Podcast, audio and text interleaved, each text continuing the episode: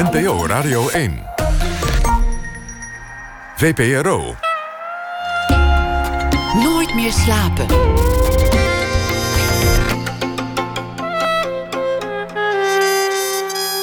Met Pieter van der Wielen. Goedenacht en welkom bij Nooit meer slapen. Ellen Parre komt op bezoek na ene vanwege de voorstelling Night of the Problems van Circus Treurdier. Alle wereldproblemen komen langs, ze worden aangekaart en als het even kan, weggelachen ook. Na ene komt ook regisseur Karen Jonger voorbij. Over de film Alleen in de klas over uitsluiting gaat het. En Wanda Rijssel maakt deze week elke nacht een verhaal over de dag die achter ons ligt. We beginnen komend uur met Anne van der Broek. Zou je zeggen dat je het goed hebt gedaan? Was een vraag die haar werd gesteld door een interviewer. Ben je in je leven succesvol geweest? Het is een van de vertrekpunten in de nieuwe voorstelling Accusations. En eh, in dit geval een vertrekpunt voor zelfverwijt. Het gaat over verwijten aan jezelf en aan de ander. En het gaat ook over de weinig zachtzinnige manier waarop mensen met elkaar omgaan. Het is een echte Anne van der Broek voorstelling. Alle disciplines lopen door elkaar: woord, dans, muziek, theater, film, alles uh, tegelijk. Ze is choreografe bij de groep Bart Ward, geboren in 1970. Werkte in Nederland en België. Deed de Rotterdamse Dansacademie. Werkte als danser met Christina de Châtel. Ook werkte ze samen met de Belgische band Deus. Won inmiddels verschillende belangrijke onderscheidingen als choreograaf. Onder meer de Zwaan en de Dioraft Dansprijs. Welkom, Anne van den Broek. Dank je. Is, is eigenlijk ook wel een vraag die. Dat, dat, dat, vond ik zelf ook wel een. Uh, ja, een, een, moment van herkenning die je zomaar aan iemand kunt stellen zonder je te realiseren wat het allemaal losmaakt. Zou je zeggen dat je het goed hebt gedaan, dat je succesvol bent? Uh, zoals ik ook in mijn nieuwe voorstelling even als optie had om een interview te laten klinken, dat ik ondertussen heb weggegooid als idee. Uh, denk ik waar ik vandaan kom. Uh, snap je milieu? Uh, denk ik wel. Ja, ik heb echt hard gewerkt en gevochten voor uh, mijn overtuiging en, en uh, iets van mijn leven te maken en in iets te blijven geloven. Dus voor dat ja, natuurlijk de erkenningen, de awards, want het zijn er wel meerdere. Ook de Zwaan, als ik even mag zeggen, hè, trots. Ja, dat is, dat, is, dat is al heel mooi. Maar je hebt, je hebt eigenlijk, uh, ja, eigenlijk zijn alle meerdere, prijzen nu wel. Dat is geweldig. Hè? Dat is geweldig. Je krijgt erkenning, het helpt ook. Hè? Het is hoe het wereldje werkt. Uh, maar eigenlijk gaat het in eerste instantie over... Uh, ben ik trots op mezelf? Ik, ik ben nog altijd onzeker als kunstenaar. Ik uh, stel mezelf nog altijd in vraag. Um, ik heb altijd het gevoel van, oh, volgende keer beter, volgende keer beter. Uh, er is altijd wel iets in een nieuwe creatie of in je organisatie. Of, allee, het heeft met zoveel aspecten te maken. Dus ik heb altijd het gevoel dat ik het niet goed doe. Maar uiteindelijk is er die ondertoon, wetende van... Allee, ik ben ook begonnen met niets. Hè. Ik ben niet met mijn gat in de boter gevallen, zoals het in Vlaanderen zeggen. Uh, ja, ben ik toch wel trots. Mijn leven had helemaal anders kunnen uitgedraaid zijn. Uh, ik had in de goot kunnen belanden, laten we zeggen. Ja. Want je kent je vertrekpunt. Ja, ja. Laten we, laten we daar dan meteen maar beginnen, dat, dat vertrekpunt. Wat, wat, uh, wat was het vertrekpunt? Ja, een. Goh. Ja, veel. Ik bedoel, ik wil even allez, duidelijk zeggen. Uh, ik vind dat allemaal niet zo speciaal, hè, wat ik heb meegemaakt. Ik, ik wil het ook meteen relativeren. Maar het is natuurlijk wel een vertrekpunt van, voor een mens om van te vertrekken. Um, en bij mij was dat, uh, ik was een nakomelingetje. Mijn ouders waren al vrij oud toen ze mij kregen. Ik had twee oudere broers. Um, het was totale chaos bij ons thuis. Uh, mijn ouders functioneerden niet als ouders, dat waren eigenlijk mijn broers. Um, die dat op hun eigen puber gefrustreerde manier deden natuurlijk. Dus ik kreeg heel wat te verwerken. Ze hadden ook geen ankerpunten als ouders. Allee, totale chaos, ik zal het zo zeggen. Het ging er ook heftig aan toe. Um, ook wel gewelddadig, dikwijls. Um, uh, allee, dat heeft natuurlijk een impact gehad. Uh, en ik weet alleen dat ik als kind uh, droomde ja, van creëren, van een eigen wereld scheppen. Heel typisch simpel. Um, het was niet allemaal ellende, hè, maar er was heel veel liefde, passie, eerlijkheid. Er was echt recht toe, recht aan in dat gezin. Maar dan heb je dat, maar dan moet je natuurlijk ook als kind functioneren in een school. Uh, met structuren van je vriendinnetjes thuis. Allee, als je de ouders bezoekt van die vriendinnen. En ik weet toen ik heel jong was, dat, dat was eigenlijk echt een shock. Van, oh, zo gaat het. Oh, oh. dus er, was een, een, een, contrast tussen de wereld thuis en, en, en de wereld elders. Ja, Op het schoolplein, de speelplaats, bij vriendinnen thuis. Dat was anders. Ja, binnen en buiten noem ik het altijd. Dat noem ik nog altijd. Dat zie je ontzettend in mijn werk ook. Binnen en buiten. Er is altijd een contrast in mijn werk. Uh, de dansers zien er geweldig uit. Uh, allemaal goden en godinnen, voor mij ook, uh, als ik naar hen kijk. En dan, mijn werk is gebaseerd op die binnenkant, die emoties, om die naar buiten te brengen. Een vorm van communicatie daarmee te vinden. En het is, ja, ze zijn ontzettend gestyled. En eigenlijk gaat het over de binnenkant. Het, uh, ja, binnen en buiten, voilà. Dus dat is ook voor mij hoe ik opgroeide. Je had, je had de bunker, het, het, het, uh, de bunker, het huis uh, waar ik opgroeide. En je had buiten, de buitenkant.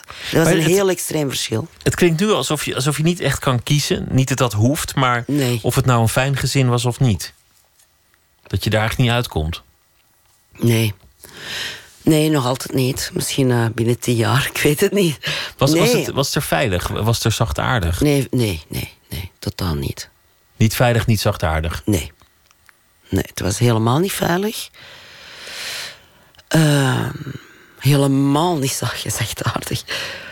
Uh, laat ons zeggen dat ik constant in angst heb geleefd. Uh, angst, angst voor klappen of angst voor ja, opmerkingen? voor klappen. Opmerkingen niet, klappen.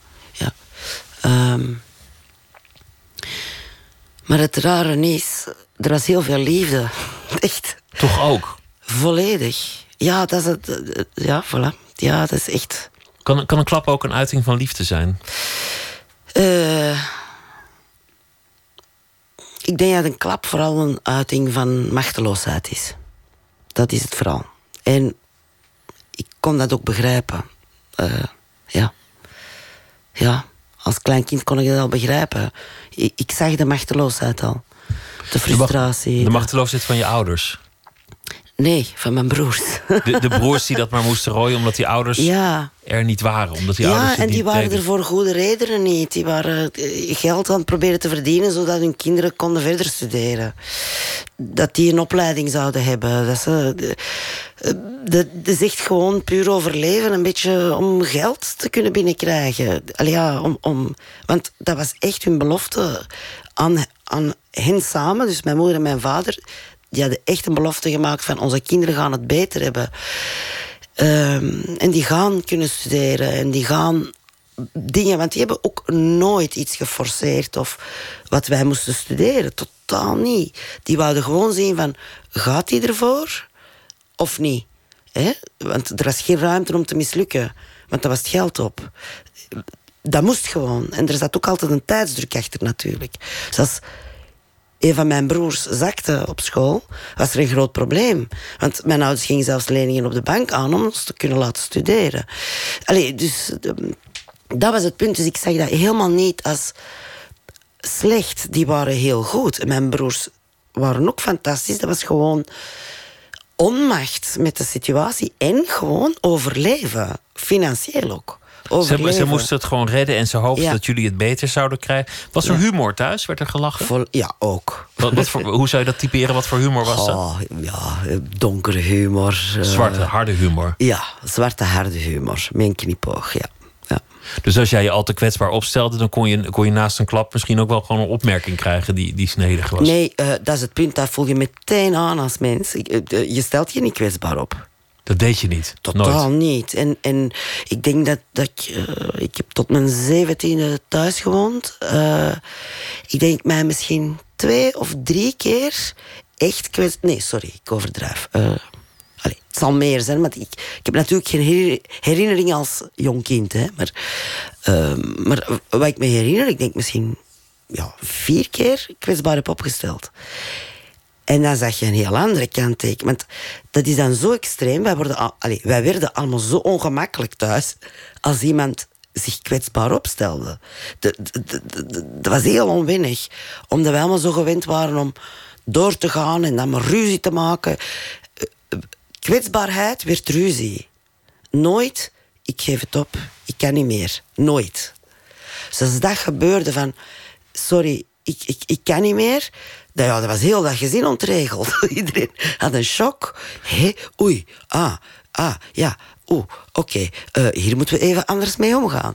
Eh, Dus jij was, dan- was dan ook een heel stoer meisje waarschijnlijk al heel snel. Op het schoolplein of, of, of later bij het uitgaan.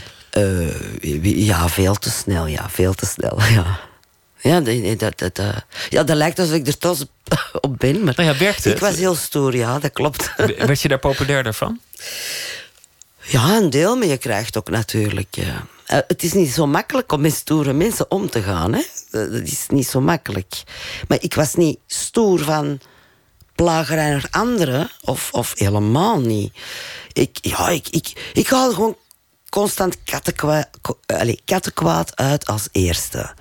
Ehm, in de klas. Eh, oh, ja, ik kan honderden verhalen vertellen. Dus, eh, ik allee, vrij jong deed ik stoute dingen, maar altijd met een goed hart. Dus nooit, hoe zeg je dat? eh, dat ging altijd naar de autoriteit toe. Het was niet nooit, gemeen. Nooit naar de zwakkere, of, of, of eh, snap je? Nooit dat. Het was meer ja, de clown uithangen en niet luisteren naar de leraar en, en, en dat soort dingen. Maar vanaf dat ik voelde dat humane weg was, dat, dat was nooit mijn ding. Ik, allee, voor, mij bleef, eh, voor mij bleef de mens belangrijk en de gevoelens van de mens. Dat ging meer naar autoriteit toe en ik was een kind. Ja. Je, je zei, er, er was altijd een contrast tussen thuis en, en de wereld daarbuiten. Je, ehm, je zei ook, ik, verzon het liefst zelf een wereld. Nog weer een andere wereld dan dat. Dat zou makkelijk een begin kunnen zijn van een creatieve carrière natuurlijk. Het verzinnen Ja. van werelden.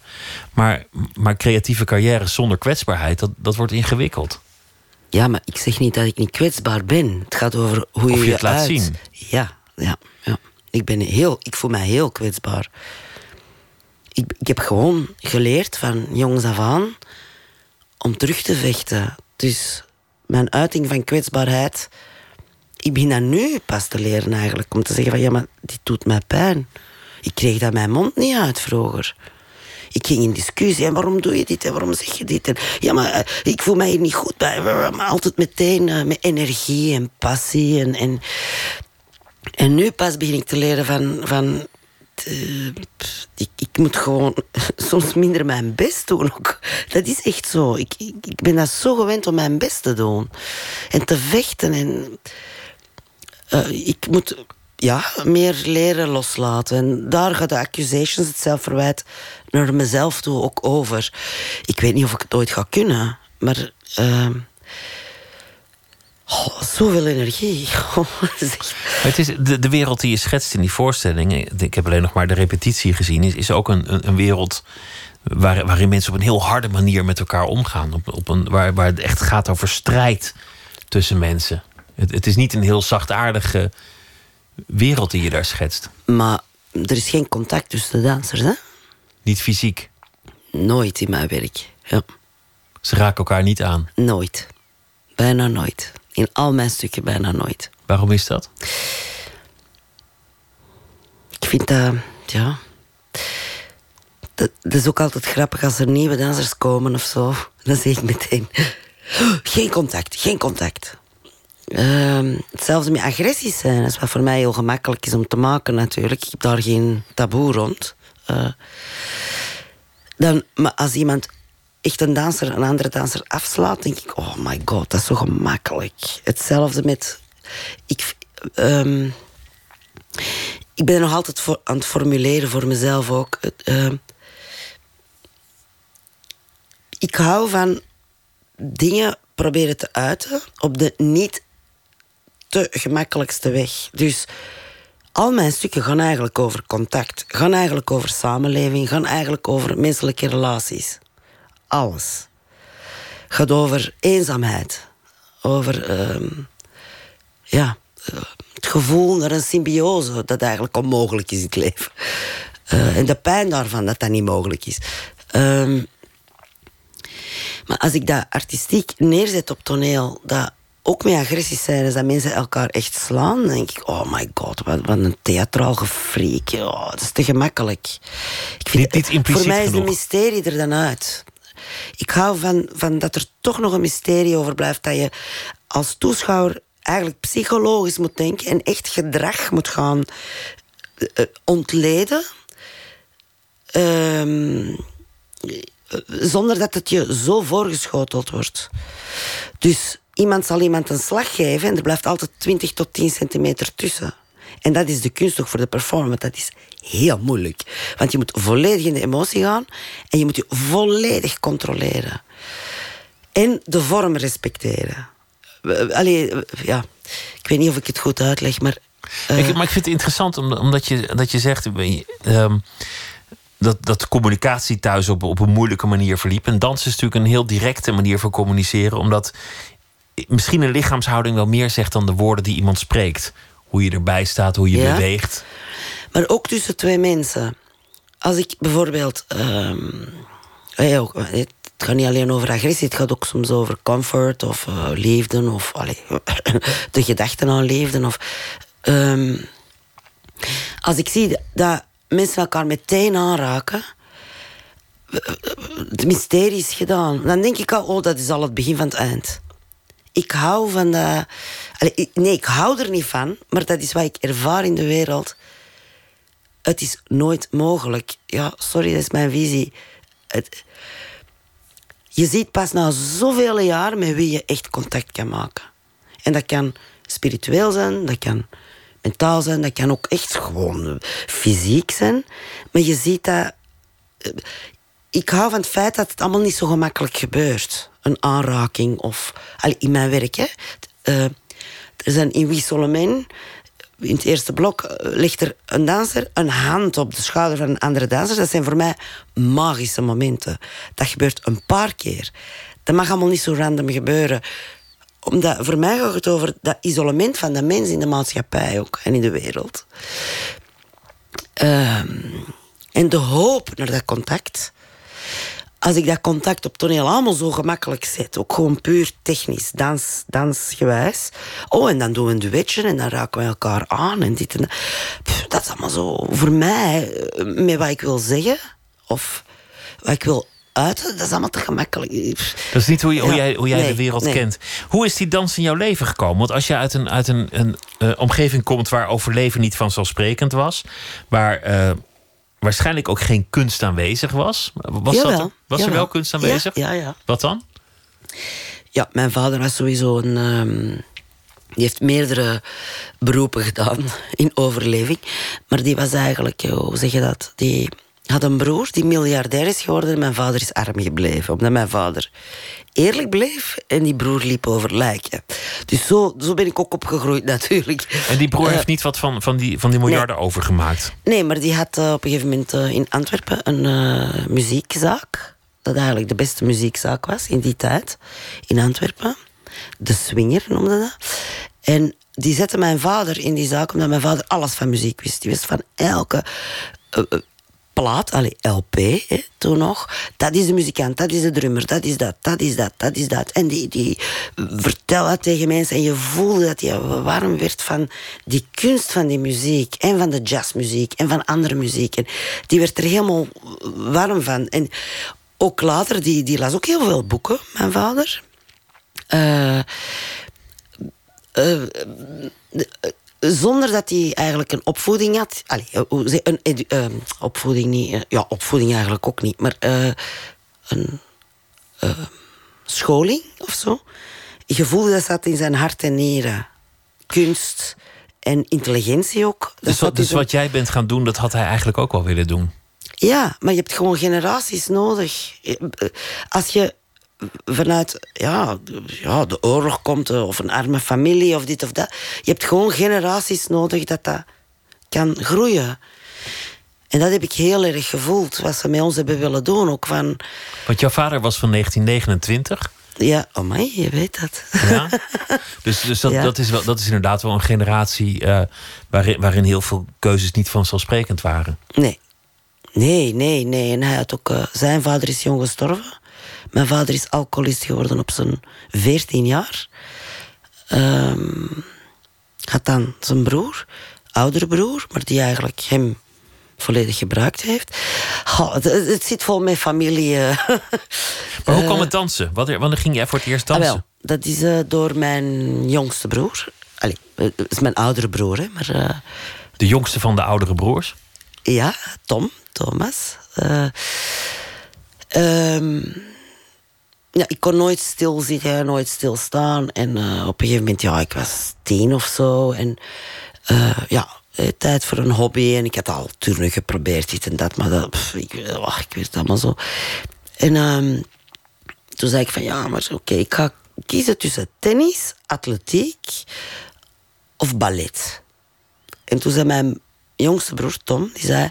Aan, ik zou ballet doen als ik jou was, want jij kunt niet stilstaan. Maar ik zie dat jij, je moet je uiten. Jij moet je creatief uiten. Dat gaat niet alleen over punten, hoe, hoe snel je rent... of eh, hoeveel goals je maakt, of allez, hoe zeg je dat? Eh, matchen je wint. En toen ben ik op ballet gegaan. En ja, voilà. Dat heeft hij goed gezien, je broer. Ja, dat, is ook, dat, dat was mijn held, die broer. Die is jong gestorven, hè, maar eh, ja. Dat, wat was dat voor jongen als je held was? Was, was het ook een, een, een, eh, Die was een, beetje stoere jongen? autistisch. Nee, die was een beetje autistisch. Die had... eh, dat is ook een andere generatie, hè, maar die, heeft, allee, die is gestorven aan eh lymfeklierkanker toen hij 43 was. Dat is nu tien jaar geleden ongeveer. Ehm, eh, eh, ja, maar die heeft tot zijn dertig ongeveer is in zijn leven. Dat was een fotograaf, was eh, echt een artiest ook. Maar die had een speciale manier van zijn, altijd. En niet om cool te zijn of zo. Die was gewoon zo. En ik heb altijd naar hem opgekeken. En zo oh, wauw. En die inspireerde mij volledig. Ik weet nog toen ik klein was in mijn, slaapkamer, was na, naast de grote kamer van mijn twee broers. Dan was ik eh, Michael Jackson aan het luisteren. hè. En eh, toen zei hij, Anneke, Anneke, kom even hier, kom even hier. Dan liet hij mij Knocking on Giovanni Cave luisteren. Eh, dat was even zo'n omschakeling. Ik was meteen verkocht. Die heeft mij van alles van kunst meegegeven, cultuur. Mijn oudere broer ook, maar ja, die was ouder en die was eigenlijk al bijna het huis uit omdat hij aan het studeren was op kot in Leuven. En dus ik heb met die jongere broer iets meer contact gehad. Maar, heeft- Thomas, Thomas was jouw held. Je, je hebt ook later je zoon naar hem eh, genoemd. Ja.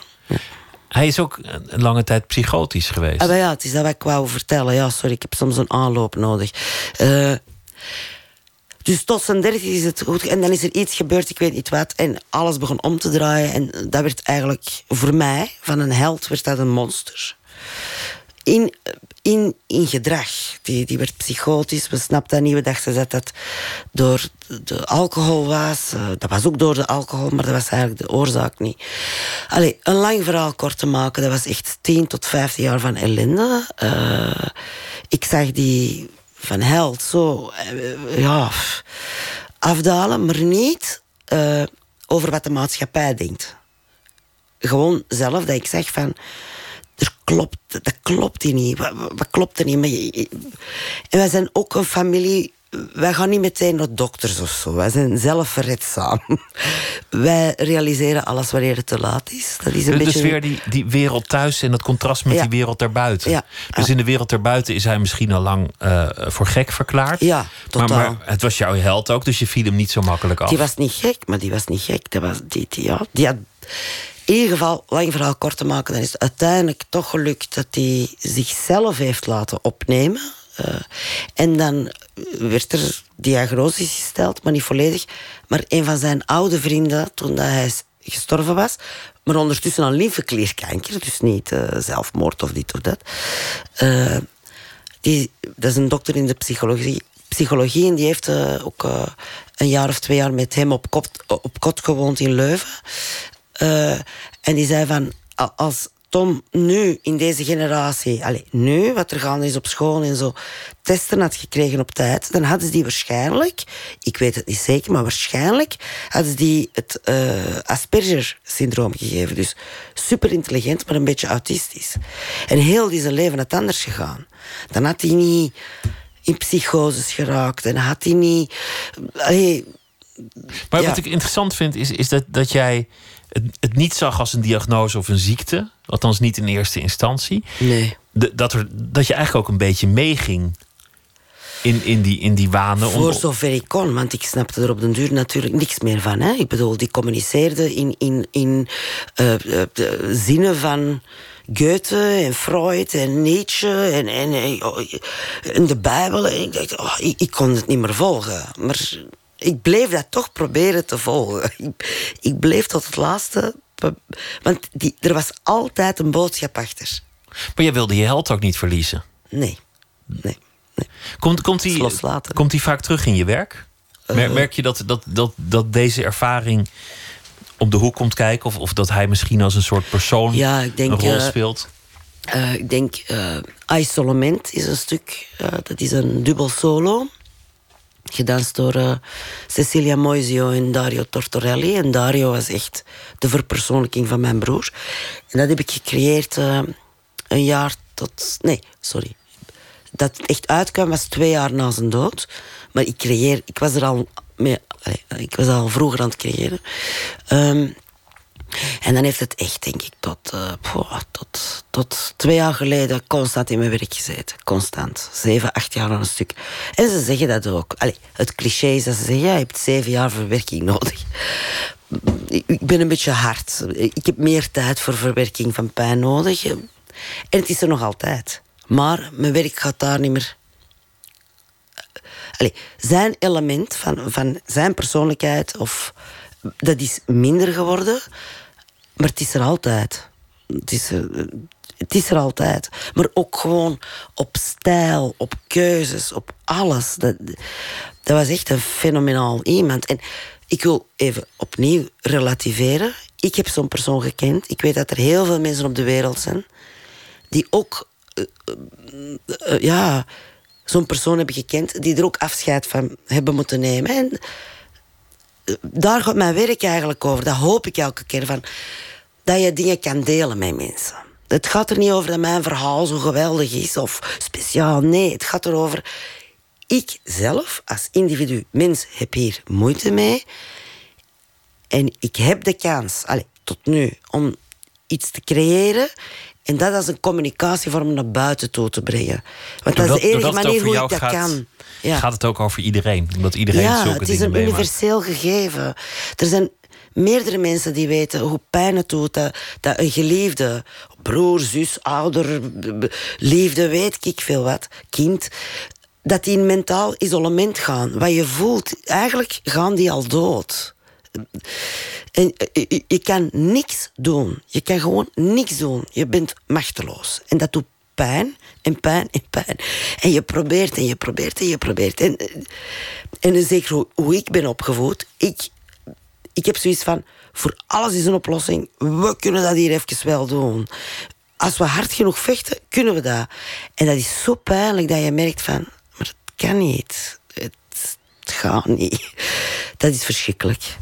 Je hebt ook een voorstelling gemaakt eh, over de dood. eh, vernoemd naar de, de, de, Q61, ja. de, de plek waar de urn van je broer staat. Op het, stond, die stond. is deze december moeten verplaatst worden. Dus dat is een ander Oh, nummer. er, er zit ook een soort, soort duur aan dat hij daar mag staan. Ja, ja, ja. ja.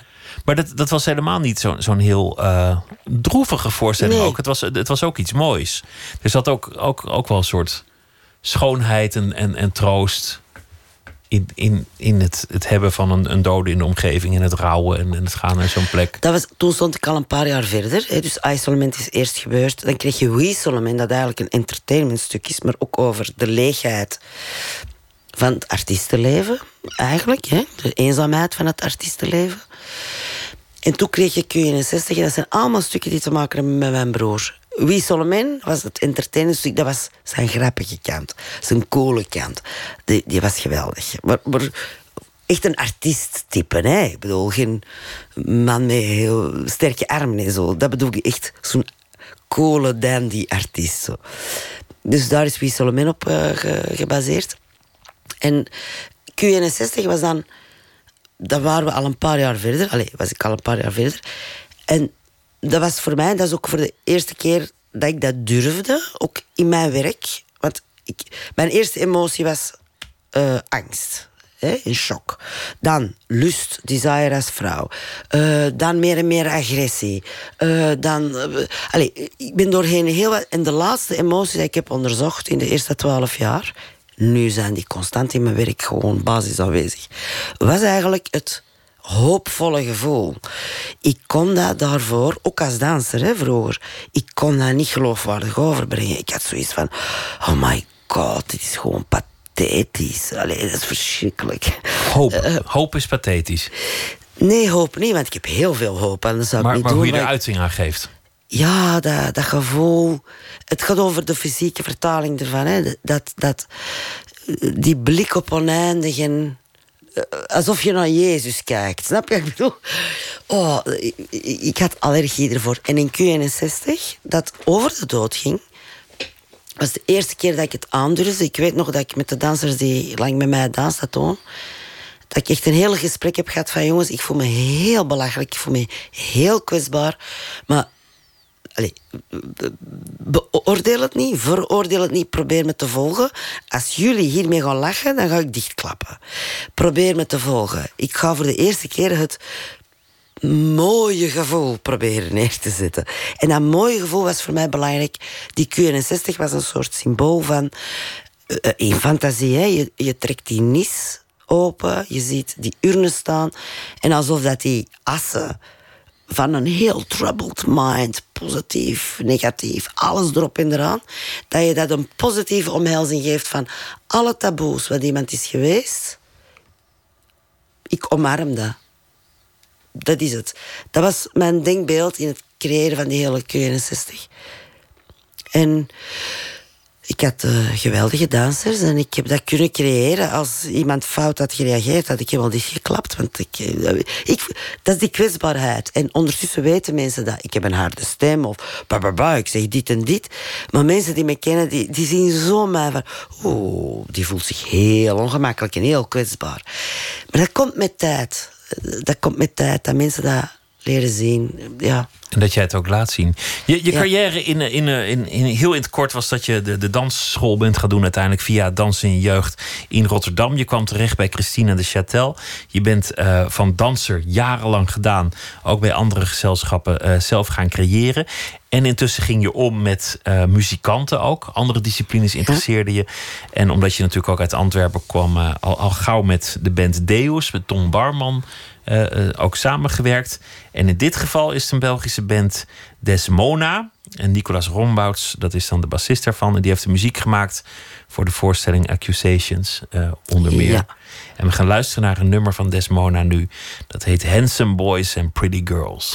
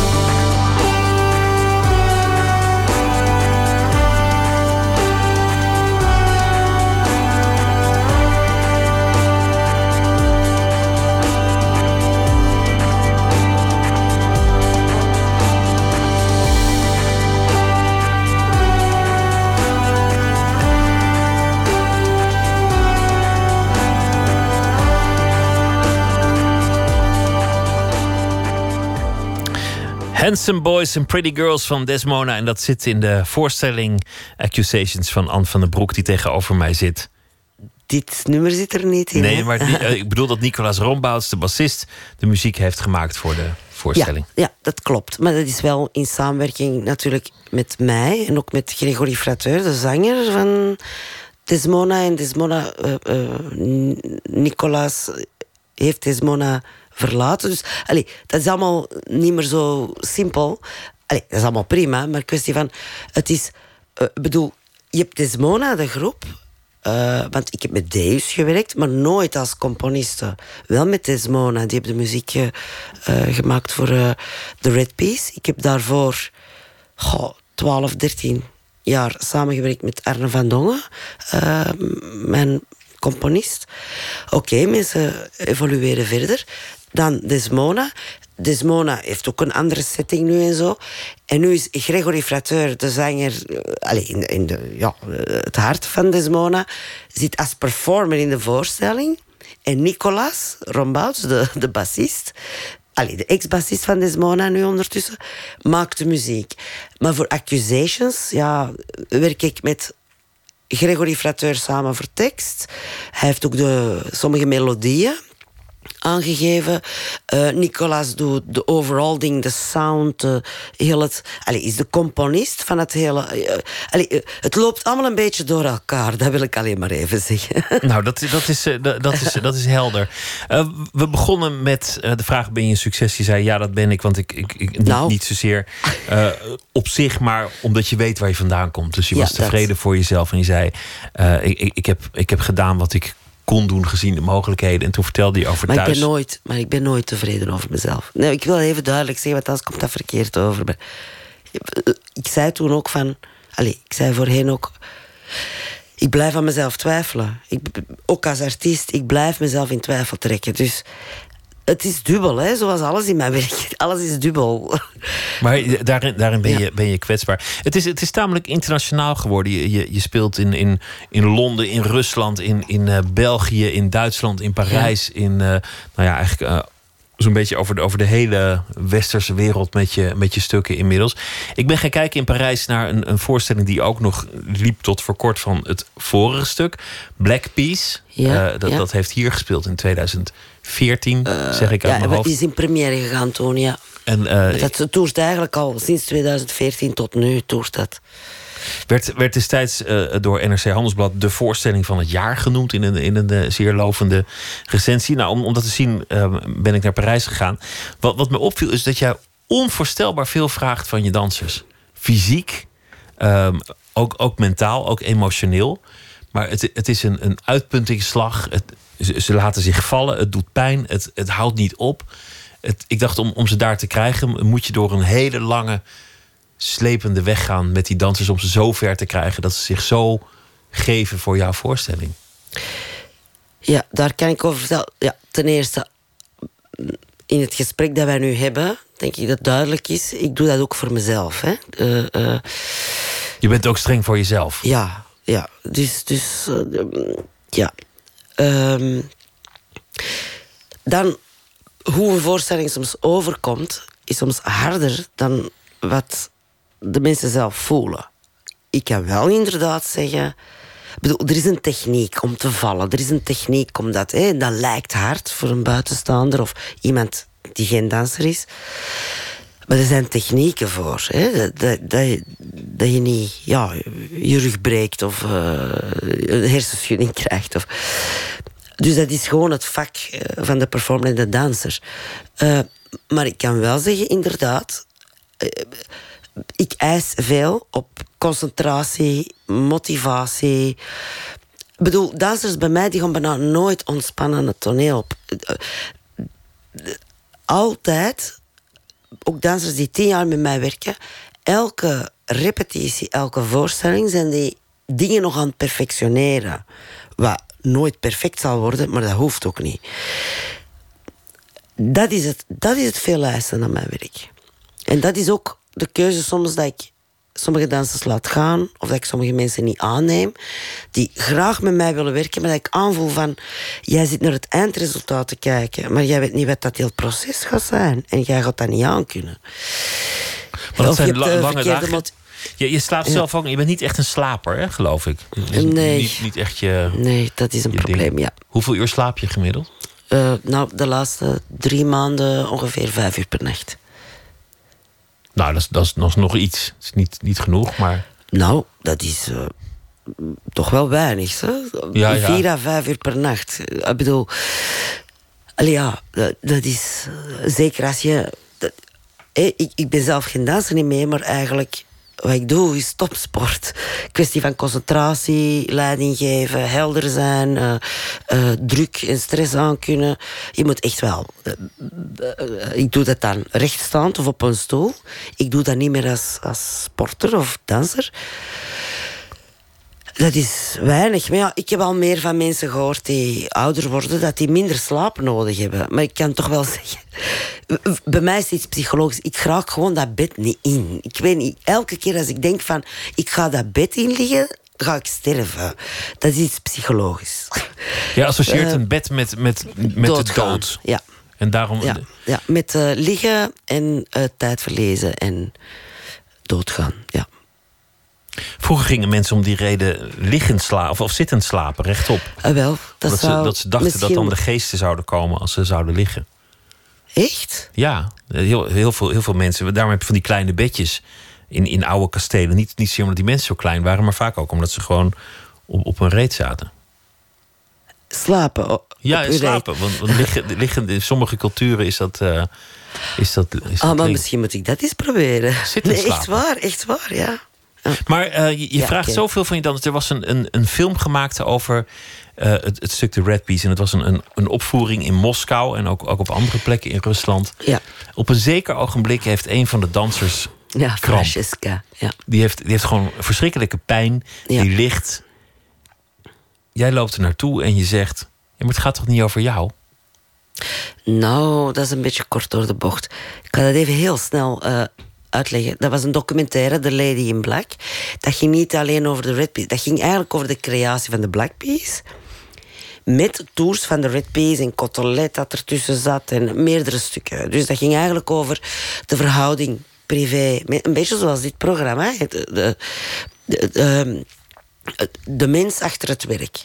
Dat was eigenlijk, die documentaire had dezelfde insteek. We waren in Moskou, eh, eerst Sint-Petersburg, dan Moskou. Maar die danseres Francesca had al een blessure van iets anders. En wij van een andere productie. In haar rug. En eh, we hadden net een voorstelling in Montreal gehad van eh Cotelet. We komen terug, er is een week tussen zij gaat naar de dokter en osteopaat in Nederland, dit en dat. Ze recupereert een beetje. En ze komen naar Sint-Petersburg en het was een beetje aan het vriezen, dus je had gladde straten. En we zitten in een hotel. En die dans, en er is een drie uur verschil. Hè? Dat denk je, oh, dat is niet zoveel, maar dat is... Allez, als dansers om onze tijd negen uur aankomen... Terwijl het daar dan al, eh, wat is het, eh, elf uur is of zo. En ze checken in in het hotel. En de volgende dag moet je om tien uur in het theater zijn of 11 uur. Nee, sorry, 12 uur in het theater zijn. En dan beslis je met sommige dansers, terwijl je al blessure gevoel, eh, je hebt al een blessure sluipend, om naar de Hermitage te gaan kijken in Sint-Petersburg. En dat is niet de tweede straat rechts, de, de eerste straat links. Dat zijn kilometers dat je stapt. En dat doe je op je eerste voorstellingsdag. En vervolgens heb je je eerste voorstellingsdag. En ze begon, ik zeg want ik ben op toneel. En ik zeg meteen, dacht, er klopt iets niet. En, eh, en ik heb heel de voorstelling zorgen gemaakt. Dus ik was zelf van. En ik zag die pijn in haar gezicht. En ik maak mij zorgen, ik ben verantwoordelijk. Ik maak mij zorgen. Dat was mijn woede wat je ziet in die, die documentaire. Ik bedoel het eigenlijk niet zo verwijtend, alsof ik eh, van de, Ja, maar, ja, maar ik heb er verwijten van. Ja, maar ik heb er verwijten over. Ja, je bent zo hard ervoor. Maar ja, nou maar ja, mensen maar- kennen de, de, de, de, de Het is geschiedenis niet. Snap je wat ik bedoel? Maar als je, als, naar de een, als je naar een sportklasje gaat of, of, of, of, of yoga of wat dan ook, dan, dan, dan zegt de instructeur bij het eerste pijntje: Oh nee, ga maar even zitten en, en neem maar even een week vrij af. Maar in, in dans, mensen, er zit een zaal vol en je moet bij een voorstelling door die kramp heen. Tuurlijk. Je kunt, je kunt niet van het podium aflopen en zeggen: Sorry. Nee, nou, het- ja, als je echt iets scheurt misschien, maar Ja, maar het was geen simpele kramp bij haar. Het was echt wel een blessure. Een oude blessure die door eigenlijk het feit dat ze niet gewoon gerust heeft in het hotel en naar het, naar het theater is gekomen, dat ze nog naar de Hermitage sightseeing is gaan doen op de eerste voorstellingsdag, is dat naar boven gepopt, die oude blessure. En dat is niet gewoon een kramp, dat is echt wel heel pijnlijk. Dat is een heel spasme. Ja, het is allemaal biologie. Maar, maar dat is een heel spasme. Je, je wordt echt geblokkeerd. En het feit dat zij de voorstelling nog heeft uitgedaan, is bewonderenswaardig. Want ik weet wat dat, dat was. Dat wil je niet weten hoeveel. Dat, dat, dat is. Dat, Maar het is doet heel wonderlijk. veel pijn. Je, je bent streng voor jezelf. Legt de lat enorm hoog. Streng voor je dansers. Ook, je vraagt het uiterste. De, de repetities zijn lang. Het proces naar zo'n voorstelling is, is enorm lang. Je vraagt ze ook om, om de emotie te ondergaan. En die, en die gaan alle kanten op. Dus het is ook emotioneel belastend. Ja, lijkt mij ja, om, om, om voor jou te werken. En toch krijg je iedereen mee. Wat is dat? Hoe kan het dat ze niet denken: wat een rotwijf, ik doe het niet meer. En dat ze toch blijven geloven in jouw voorstelling? Omdat dat. oh. om, ja. Wij zijn mensen onder elkaar. Ik ben de baas. Zij zijn de performers. Maar ik, he, ik, geef hen ook dingen. Hè, op een, ik ben een warm mens. Ik ben een warm, kwetsbaar mens. Dat is mijn essentie. Een warm, liefdevol kwetsbaar... Dat is echt mijn essentie. ik geloof in mensen. Ik laat mensen ook groeien. Hè. Er zijn heel veel dansers van mij die zijn eh, op, op- gewoon als performer gegroeid op hoogtes dat heel weinig performers hebben. Er zijn ook dansers van mij die hun eigen werk gaan maken. Die leren zoveel. Ik investeer zoveel op correcties, geduld. Hè, want oké, ik eis veel, maar ik geef ook heel veel aandacht en energie. Dit, dat, dit, dat. Eh, eh, dat is van. eh, eh, eh, eh, dat, dat gaat echt over een investering. En ik denk, ik eis dingen, ik eis motivatie en overgave. En wat krijgen zij van mij? Motivatie en overgave voor hun persoonlijkheid en hun karakter. En stapsgewijs, want we hebben het over emoties. Mensen zitten, die persoon heeft een taboe met agressie, die met kwetsbaarheid, die met dat. Dat weet ik als geen ander zelf, van waaruit ik kom. Maar het mooie is dat je het nooit rechtstreeks laat uit. Zoals je zei, een nee, aanraking. Dat, mysterie moet er blijven. het mysterie moet er zijn. Maar je, je laat het ze voelen om het ze dan net niet te laten uiten. Dus waar een acteur zou gaan huilen... of een acteur zou gaan gillen... of, of, of met tekst onder woorden brengen... dat hij op dat moment kwetsbaar of boos of weet ik wat, wat hij is... laat jij ze het helemaal voelen... zodat die expressie er zit om het vervolgens in te laten houden. Ja, maar dat is een vraag aan jou. Eh, je hebt Black Peas gezien. Hé, ik laat ze dat inhouden, maar wat heb jij gevoeld? Alles door elkaar. Ik moet Ah. het zeggen, ik werd heen, ik werd heen en, en weer als ik het geslingerd. allemaal had getoond, wat had je dan nog gevoeld? Dan had ik er eentje uitgepikt, vermoedelijk. Denk ik. Hoe? Dan, dan, had, Dan had ik, dan had ik een van die, van die waaier aan emoties die daar op een dienblaadje lagen, gewoon mij toegeëigend om, om daarin te gaan zitten. Het mooie aan het stuk zwart is dat het, dat het een, een heel duister stuk is. Maar dat in, in die duisternis ook een schoonheid zit. Een, een esthetische schoonheid, Ah, ja, een verlichting. Ja. De, de duisternis Ja. is, ook, Een verlichting, ja. is ook zacht. Is, is ook een, een- plek waar je een soort veiligheid in kan vinden. Ik hou, Veiligheid en angst, eh, dat is het ik hou van de mij. nacht, maar, maar zwart heeft. Je, je denkt. eh, de, de, de zwarte dood of een, een zwart karakter of een zwart is altijd slecht. Nee, zwart heeft als maar kleur dat een is waarom ik het reputatie. stuk zo heb gemaakt. En het is voor mij ook accusations. Het is een zelfverwijt, maar tegelijkertijd eh, heb ik wel bepaalde dingen te zeggen. Ik doe dat niet meteen zo, naam op naam. Eh, ik weet heel goed eh, welke personen en welke organisaties mij tot dit stuk hebben gedreven. Weet ik heel goed, zelf. Dat is niet belangrijk dat andere mensen dat weten. Dat is gewoon de maatschappij. En dat is... Ooit heeft iemand tegen mij gezegd... aan wanneer ga jij nu eens accepteren... dat er misschien maar 5% van de mensen moedig is. En al de rest is niet moedig. Dat wil niet zeggen dat die slecht zijn... maar dat is maar 5% van de mensheid moedig. Ben je zelf moedig? Eh, nee, nee, ik bezie mezelf als een angstig eh, jong ding. Maar ik weet dat ik moedig ben. Ik weet dat ik moedig ben. Ik weet dat ik ballen heb. Ik weet dat ik voor dingen vecht. Ik weet dat ik moedig ben. Maar ik bezie mezelf nog altijd als een angstig persoon. Dus dat is ook allemaal niet zo één op één. Snap je? Het is allemaal zo complex. Wat, wat ik over, over die Black Piece, hè, want, want het gaat dan over de kleur zwart, wat een tamelijk abstract Ja. thema is. En dan alle associaties die je daarmee hebt. De, de, de nachten dat jij niet wil slapen omdat je bang bent voor de dood, zullen er ongetwijfeld in zitten. Maar, maar ja, je legt er zelf maar iets in. Maar het Ja. maakte me ook op een gegeven moment bijna melancholiek blij, omdat ik moest denken aan, aan de film noir, aan, aan al die oude jaren 50 films. Ik heb dat boek. Dat is een fantastisch dik boek. Is prachtig. Ja, ik hou... En dat heeft ook weer met mijn broer te maken. Oh, over de film noir. film waar. Zo'n dik boek met heel de filmwaarde geschiedenis, foto's erin. Maar dat is ook... Mijn broer, toen dat hij fotograaf was, dat was in dezelfde tijd dat eigenlijk Anton, Anton Corbijn aan eh, stijgen was. De stijl die mijn broer als fotograaf had, was eigenlijk bijna net hetzelfde extreem zwart-wit. Die groeven in het gezicht, de, de- alles. Portretten. eh, ehm. Mijn broer is dan eh, afgezakt. Maar dat is een stijl die mij nu nog altijd is bijgebleven. En sommige mensen maken ook grappen naar mij toe. Oh, Anja, ik ben blijven steken in de jaren tachtig.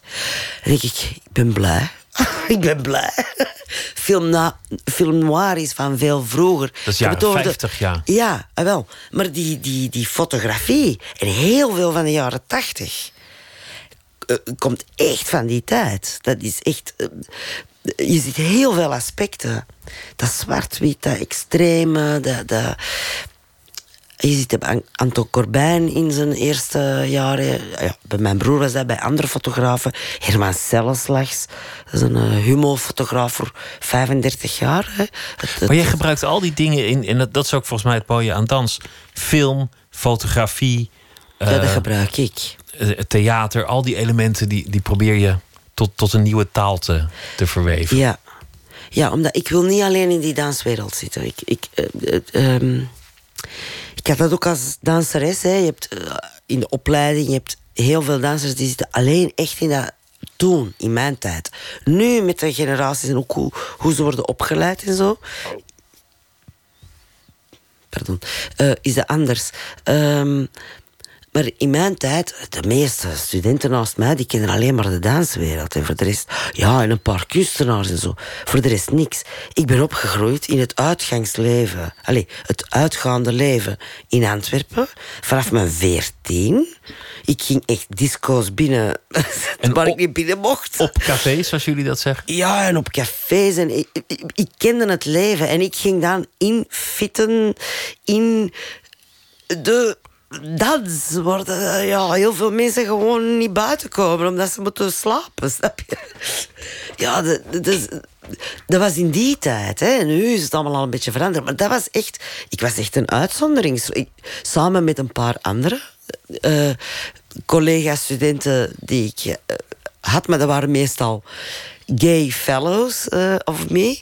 Eh, eh, ja, wij, wisten hoe dat de wereld functioneerde, maar je had heel veel meisjes en zo die niet wisten.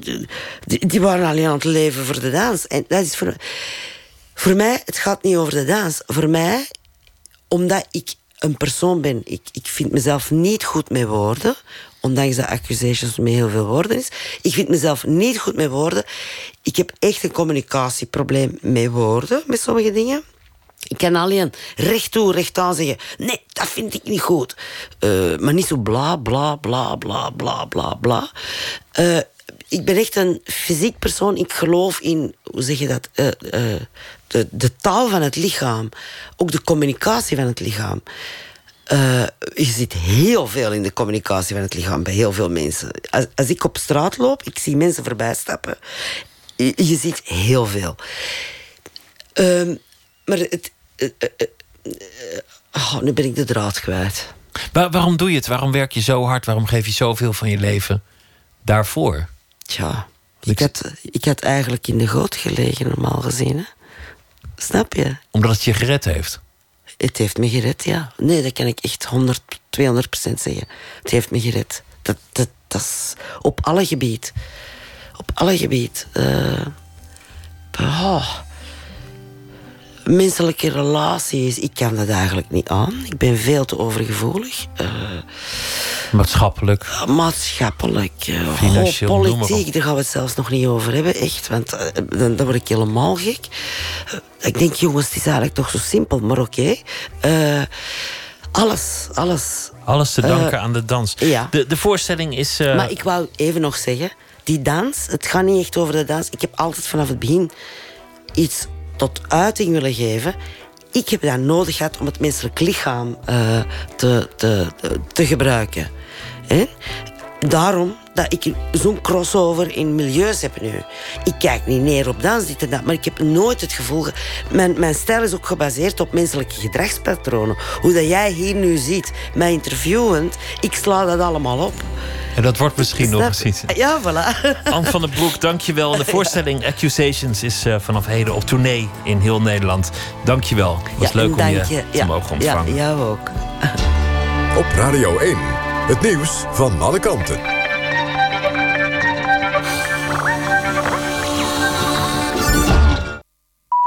Het is 1 uur, dit is met het NOS Journaal. Rijkswaterstaat probeert nog voor de ochtendspits... de Schipholtunnel richting Den Haag weer voor een deel open te krijgen. Het gaat om twee van de rijstroken van de A4. De tunnel moest afgelopen middag dicht vanwege een brand... vermoedelijk door kortsluiting. De afsluiting leidde tot een verkeersinfarct op de wegen rond Amsterdam. Schiphol raadt reizigers voor morgen aan de trein te nemen... en eerder weg te gaan.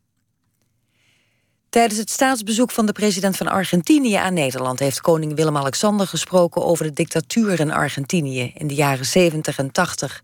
Hij benadrukte dat duizenden mensen het slachtoffer waren van geweld en dat de mensenrechten met voeten werden getreden. De koning sprak de woorden nunca más, wat betekent nooit meer. Willem-Alexander had ook positieve woorden voor Argentinië. Zo zei hij dat het land hem het mooist mogelijke cadeau heeft gegeven, zijn vrouw, koningin Maxima. We gooien minder eten weg als op de verpakking geen houdbaarheidsdatum meer staat. Dat zeggen onderzoekers van de Universiteit Wageningen. Volgens hen is er 12% minder verspilling van lang houdbare producten als op de verpakking geen datum meer staat. Nederlanders gooien elk jaar 50 kilo eten weg. Staatssecretaris Van Dam pleit al langer voor het weglaten van houdbaarheidsdata op producten die nog lang te gebruiken zijn, zoals rijst en pasta. Een concert van Drake in de Ziggo Dome in Amsterdam is alsnog afgezegd. De Canadese rapper zou om 9 uur beginnen aan een optreden, maar om kwart over tien werd omgeroepen dat hij niet kon optreden vanwege een voedselvergiftiging. In de Ziggo Dome waren fluitconcerten te horen en sommige fans waren uit onvrede al vertrokken. Het weer een heldere nacht bij minima van een graad of 2. Overdag is het weer zonnig, het wordt 16 graden op de Wadden en plaatselijk 20 in Limburg. Later vanuit het zuiden meer bewolking en kans op een bui, mogelijk met onweer. En dit was het NOS Journaal. NPO Radio 1. VPRO. Nooit meer slapen.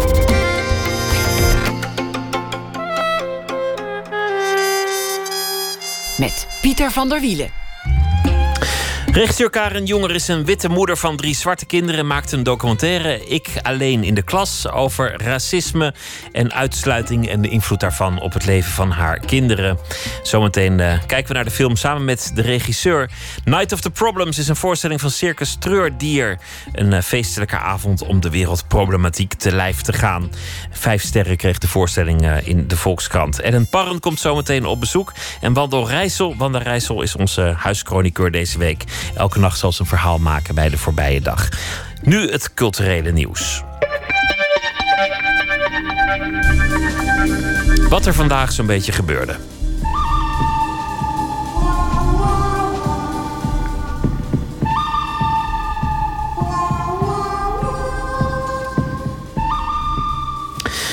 Componist en muzikant Alessandro Alessandrini is overleden. Hij is eh, legendarisch om vele redenen. Zijn gefluit is bekend uit westerns als The Good, The Bad and The Ugly en Once Upon a Time in the West. En hij was ook eh, vaste componist voor Fellini. Hij is 92 jaar geworden. In december eh, kondigde de Amerikaanse komiek Amy Schumer aan dat zij de hoofdrol zou vertolken in de eerste Barbie-verfilming. Dat werd niet door iedereen helemaal begrepen, want ze zou eh, niet genoeg lijken. Ze zou niet het postuur hebben om Barbie te spelen. Nou, die hele discussie die heel erg eh, hoog opliep, die was nergens voor nodig. Want vandaag werd bekend dat het helemaal niet doorgaat. Schumer heeft het te druk voor deze filmrol.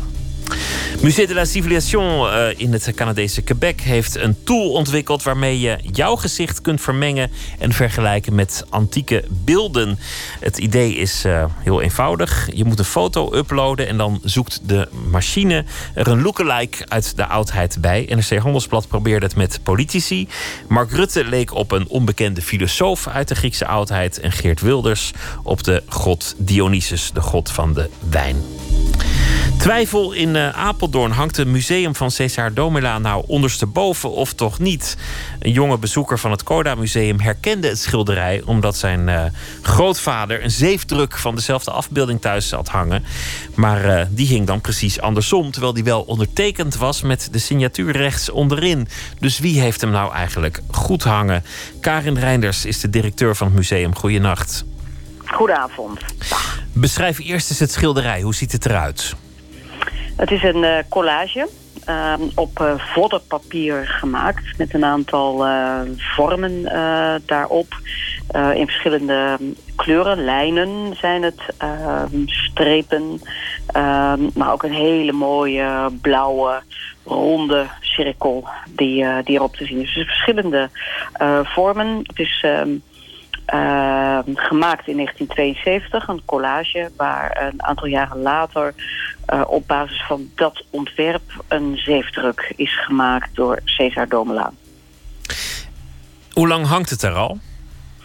Nou, het hangt er een paar weken, want we hebben een opstelling gemaakt, een bloemlezing uit onze eigen collectie in het kader van 100 jaar de stijl. Wij hebben geen uh, Mondriaans, geen Van der Lek, uh, geen Doesburg. Maar we hebben wel een paar hele mooie Cesar Domela's.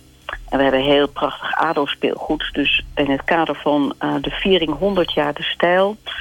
wilden wij ook een tentoonstelling maken. Dus die is een paar weken geleden geopend. Maar goed, nu kan het dus zijn dat het ding op zijn kop hangt. Dat hij eigenlijk andersom moet hangen. Nou, dat, dat, dat, dat inmiddels... Wij zijn donderdagmiddag door een jongetje van elf... Uh, bevraagd op of, of wij het werk goed hadden hangen. Uh, het werk op papier is ingelijst, hangt aan de muur. En hij gaf aan. En dat betekent dat dat jongetje ook heel goed kan kijken. Uh, dus dat, dat, dat vinden wij ook wel ontzettend leuk. Dat een, een, een kind van die leeftijd hè, een museumjaarkaart heeft... en regelmatig naar het museum komt. En dan ook opmerkt uh, wat andere volwassenen in zijn omgeving niet opgemerkt uh, hebben... dat bij zijn opa een vergelijkbaar werk hangt.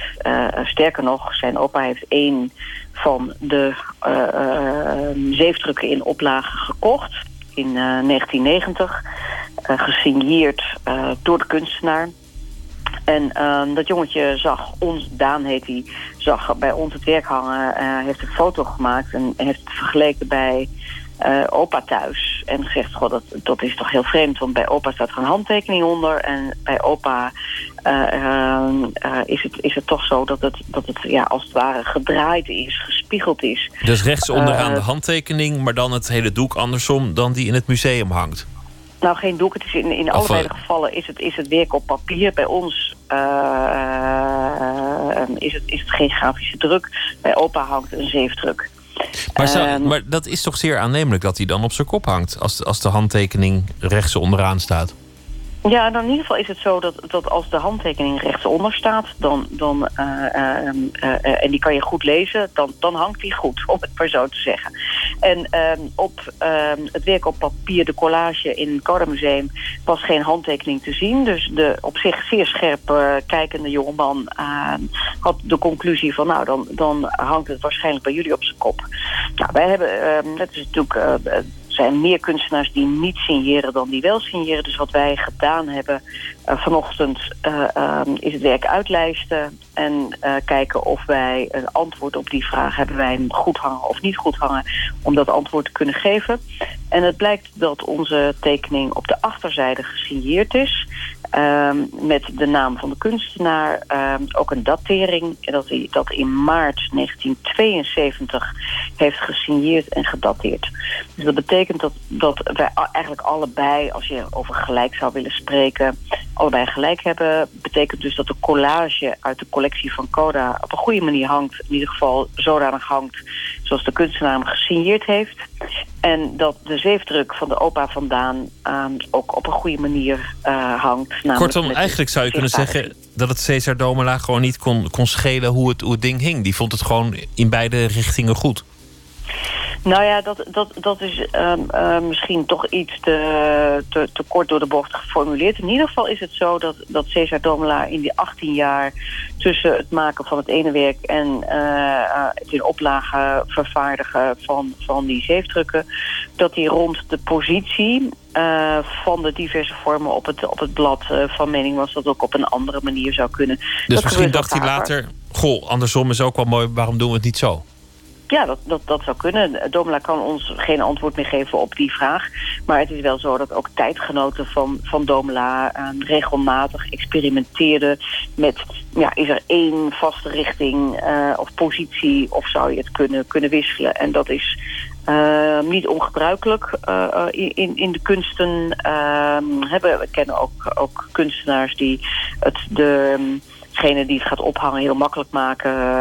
Uh, omdat ze al uh, eigenlijk in alle posities haakjes en oogjes voorzien. Uh, maar er zijn natuurlijk ook heel veel kunstenaars die zeggen... nee, ik wil graag dat je het zo ophangt en dat je het zo inlijst. En die hebben daar hele specifieke opvattingen over. Dat maken we allemaal mee. En ja, nogmaals, wat voor ons heel erg leuk was... dat, dat deze jongeman... Zo goed kon kijken en dat, en dat meteen zag. Het is ook een beetje een angst hè, als je iets koopt en het aan de muur hangt... en het blijkt op zijn kop te hangen. Nou ja, dat is natuurlijk wel iets waar, waar, waarvan je dan denkt van... goh, je, je, je, je denkt in eerste instantie... van, wat, wat, wat, is er, wat is er dan zo uh, fout gaan? Hoe, hoe kan dat? Want ja, dat doen wij natuurlijk allemaal behoorlijk uh, zorgvuldig. We hebben het natuurlijk allemaal niet voor de eerste keer. maar het was heel scherp gezien van deze jongen. Het was ook mooi dat hij zo nieuwsgierig was maar hoe, hoe kan dat nou? En dat hij ook de plaatsing van de signatuur... en het daarmee dan ook een akkoord van een kunstenaar... dat dat, dat, dat wel allemaal vragen waren die bij me opkwamen. Heel mooi. Karin Reinders, dankjewel en uh, veel succes met de tentoonstelling. Oké, okay, bedankt. Nooit meer slapen. Twaalf jongeren komen bij elkaar op een landgoed in Frankrijk. Alle hebben een uh, gekleurde huid. En wat ze delen is een gevoel van uitsluiting in de samenleving. Drie van hen zijn kinderen van regisseur Karen Jonger. Zij maakte over die groep jongeren in Frankrijk een documentaire. Ik alleen in de klas. In de film vertellen ze over pijnlijke situaties in hun leven. En ze spelen die situaties vervolgens samen na. Afgelopen weekend ging de film in première op het uh, festival Movies That Matter in Den Haag. Verslaggever Jan-Paul de Bond was erbij. Ik alleen in de klas gaat over alledaags racisme. Klein of geïnstitutionaliseerd, subtiel en minder subtiel. Eén voor één vertellen jongeren met hun ogen dicht over een specifieke ervaring om die vervolgens na te spelen met de hele groep. Dat klinkt heel therapeutisch, maar deze documentaire is vooral confronterend voor de kijker.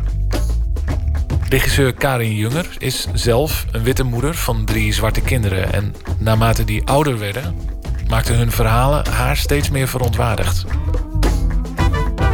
Het grappige is dat zolang ze kinderen zijn, dan komen ze wel wat dingen tegen. Zoals uh, je bent zeker uh, in de poep gevallen of je komt uit het poepgat van je moeder of weet ik veel, dat soort dingen. Alleen dan gaat het niet echt verder ergens over. In de zin van dan gaat het niet om banen of om stageplaatsen of om dingen die er echt toe doen in het leven. Weet je wel? En toen ze ouder werden, dan gaat het om spannen. Want dan gaat het erom dat ze een plek gaan zoeken in deze maatschappij. En dan merk je dat dat helemaal niet vanzelfsprekend is. Zeg maar. dan, dan, het was vooral dat ik het zo pijnlijk vond. De verhalen die ze vertelden. En merkte ook, niet alleen bij mijn dochter en mijn zoon... maar ook bij hun vrienden... dat het uh, hun zelfvertrouwen zo aantast. En, en hun gevoel van eigenwaarde. En dat is iets wat ik niet uit kan staan, zeg maar, als moeder. Want ik denk van, je voedt je kinderen op uh, om ze weerbaar te maken en sterk te maken. Zodat ze het leven kunnen aangaan. En, en, en als je dan ziet dat dat gewoon ze vernietigt een beetje van binnen... dan is dat heel pijnlijk. En daar word ik dan ook heel kwaad om. Welke van de verhalen die in de film worden verteld... Uh, heeft jou het meest verrast? Ik denk wel dat verhaal van Sulema. Ja, dat je als twaalfjarig meisje niet mee mag doen aan de CITO-toets. Uiteindelijk, omdat je moeder heel hard vecht, het toch mag doen. Een hoge score haalt, hoge IQ-test. En dan toch advies WMBO-B of zoiets, of weet ik veel, het laagste van het laagste krijgt. Ze is nu 24. Dat dat haar nog steeds zo enorm pijn doet. Toen heb ik die toets gemaakt. En um, uh, toen het voorbij was, was ik zo opgelucht. En um, ik heb toen een score gehaald van uh, 540. En daarmee is mijn moeder toen, uh, toen weer in gesprek gegaan met de docent, zeg maar. En die heeft toen gezegd... ja, maar dit is maar een, een één opname, zeg maar, van één, één, één dag. Kan zijn dat ze een goede dag had. Kijk, er zijn natuurlijk wel films en, en televisieprogramma's gemaakt over racisme. Maar heel vaak is dat op een heel ander niveau. Namelijk, mensen uh, geven argumenten waarom Zwarte Piet niet deugt... of hoe dat in het uh, slavernijverleden terug te vinden is. Noem maar op. En dat is allemaal prima. Maar ik miste heel vaak die dimensie van hoe het mensen aantast... en, en, en de impact die het heeft op iemands persoon. Ik dacht, ik, kan, ik moet laten zien wat het met mensen doet. Ook omdat ik merkte in gesprekken met witte mensen in mijn omgeving... dat die geen idee hadden. Ja. Die hadden het idee, ah, dat valt toch wel mee. En een grapje, daar moet je tegen kunnen. En dit en dat. Dus die hadden echt geen idee wat die impact is. Dus ik dacht, ik moet dat duidelijk maken. En dat kan ik alleen maar doen als ik intensiteit krijg in die film. Dus niet alleen maar dat iemand iets vertelt... maar dat hij het op zo'n manier vertelt of laat zien... dat het echt een herbeleving is... en dat het ook de emotie en de lading krijgt van het moment toen het echt gebeurde. En het werkt. Want ik beschouw mezelf natuurlijk liever niet als een van die witte mensen... die denkt dat het wel meevalt. Maar ook ik ben verbaasd over de ervaringen van Karins jongste zoon Quincy... als die psychologie gaat studeren aan de Universiteit van Amsterdam. Ik probeer me ja, gewoon open en vriendelijk op te stellen. En als je dan in een situatie terechtkomt, bijvoorbeeld in een collegezaal... waarbij je bijvoorbeeld vroeg aanwezig bent en je gaat zitten in de banken... en de zaal vult zich langzamerhand en het is een klas voor misschien wel... waar misschien 400 mensen aanwezig zijn... En dat de banken naast jou, de stoelen naast jou leeg blijven. En dat de zaal steeds voller wordt en dat mensen ervoor kiezen om op de trap te gaan zitten in plaats van naast je te gaan zitten. Voor mij en voor vele anderen was het gewoon eigenlijk het herleven van, van die situatie. En voor heel veel mensen was dat heel erg pijnlijk. En voor mij, ja, je, omdat die gevoelens weer om, omhoog komen, weet je ook gewoon precies um, hoe het er aan toe ging toen. En kan je het ook beter beschrijven. En um, ja, ik vond het wel een goede methode eigenlijk. Maar het was wel, het was wel emotioneel best wel zwaar. Crystal en Quincy doen beide hun verhaal in de film. Maar ze zijn ook figuranten. En in die rol moeten ze soms keihard hun beste vrienden uitlachen. Terwijl die hun meest kwetsbare moment beleven. En je wordt je dan opeens op heel pijnlijk bewust van wat de veiligheid van een groep met je doet. Je, je kan opeens heel nare, heel schertsende, heel vervelende dingen roepen tegen iemand waar je eigenlijk heel veel om geeft. Puur omdat je met een groepje bent, met een clubje bent. En die groupthink, dat is ook een heel soort van proces dat heel vaak ook weer terugkomt in, in de film. Misschien niet heel expliciet wordt beschreven ook, maar het gaat vaak over grote groepen of grotere groepen die uh, één iemand eruit plukken. En dan merk je bij jezelf, oh shit, die grenzen vervagen heel snel. En dan kom je weer terug in de realiteit en dan zie je wat het met iemand doet. je merkt, ook zij, dat ze er bijna nooit over spreken eigenlijk. Ook onderling niet. Er is ook één jongen die dat heel helder formuleert op de website. Dit zijn allemaal vrienden van mij waar ik al jaren mee omga. En voordat wij samen met z'n allen naar Frankrijk gingen om die film op te nemen, hebben we hier nooit met elkaar over gesproken. En dat komt denk ik omdat het gewoon lastig is. Ehm, ook omdat uh, veel mensen die uitsluiting of discriminatie ervaren, um, het niet stoer vinden om het erover te hebben. Want je maakt jezelf heel kwetsbaar als je toegeeft dat je, dat je het je pijn doet en dat je er onzeker van wordt. Dus dat is iets wat mensen liever niet doen. Voordat we met deze film begonnen, had ik eigenlijk niet het idee dat dit bij uh, heel veel mensen gebeurde. Um, en tot we erover begonnen te praten en mensen begonnen te zoeken voor de documentaire.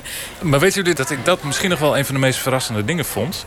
Dat ik bij sommige dingen echt dacht van, maar, maar hebben jullie het daar anders dan nooit over? Nee, want um, ook toen mijn zus naar mijn moeder toe kwam... Met, toen ze vroeg van, nou, hoe gaat het nou echt met je op school? En toen mijn zus vertelde, nee, ik voel me er niet op mijn gemak. Ik heb niet het dat ik ergens bij word betrokken... en dat ik een soort van erbij hoor. De reactie van mij en mijn broer was, ja, nou ja, dat is toch normaal? Het is uh, school, je gaat er naartoe voor je opleiding. Je gaat er niet naartoe om een gezellige tijd te hebben. Ik denk dat wij voor die film dat allemaal een soort van als gegeven hebben geaccepteerd. Van, er is een bepaalde plek in deze samenleving waar je het wel op je gemak kunt hebben. En er is een heel groot gedeelte van de samenleving waar dat niet zo is. En dat is gewoon hoe het is. En ik denk dat we dat steeds minder uh, voor onszelf accepteren.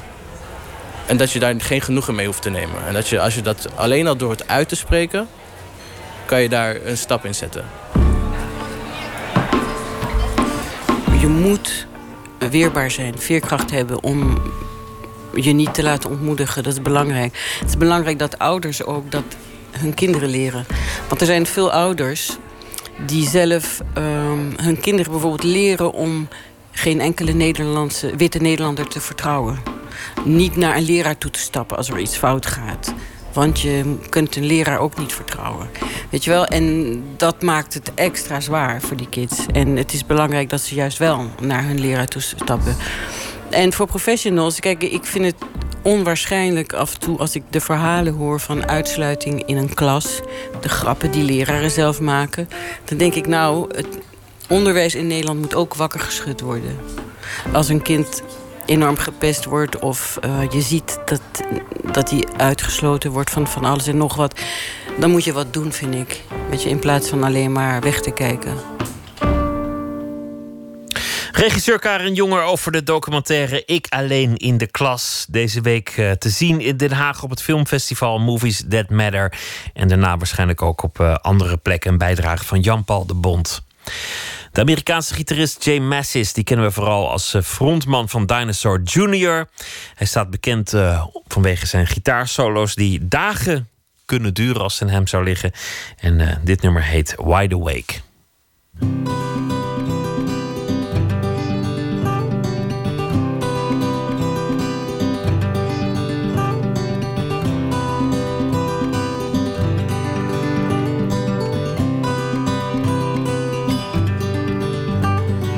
Wide awake. I'm wide awake. Wide awake. I'm wide awake. Come on over, baby. Time to figure out. Dreaming of the reason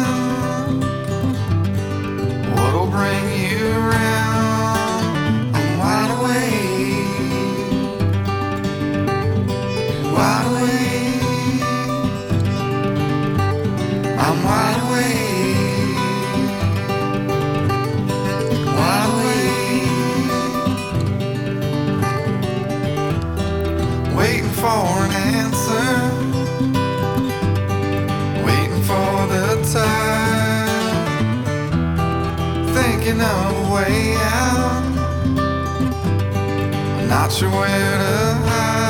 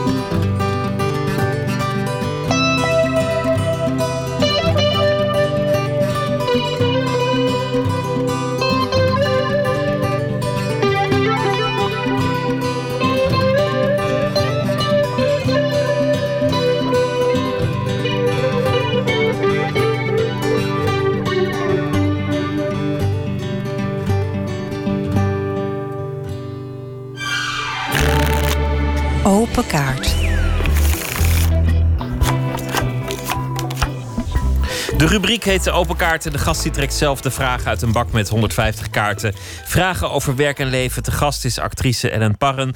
Ze speelt in theater en in films en op televisie.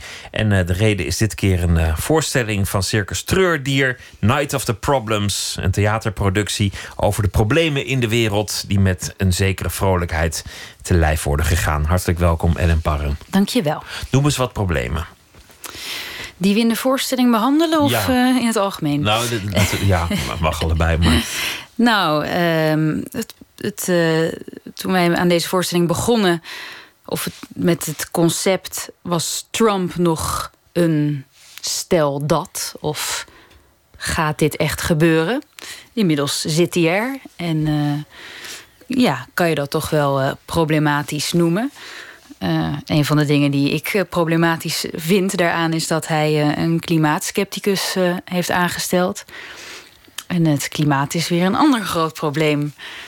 Waar wij het uitvoerig over hebben in onze voorstelling. Ja, dus dus de man die het probleem moet oplossen... is een man die denkt dat het probleem niet, Niet bestaat. bestaat, ja, ja, ja. Dat is toch een beetje alsof je een, de- de vos hoofd van het kippenhok hebt gemaakt. Ja, Lijkt me. ja, ja. ja. En, maar jullie, jullie gaan alle problemen te, lijf met een zekere vrolijkheid. Een beetje absurdisme.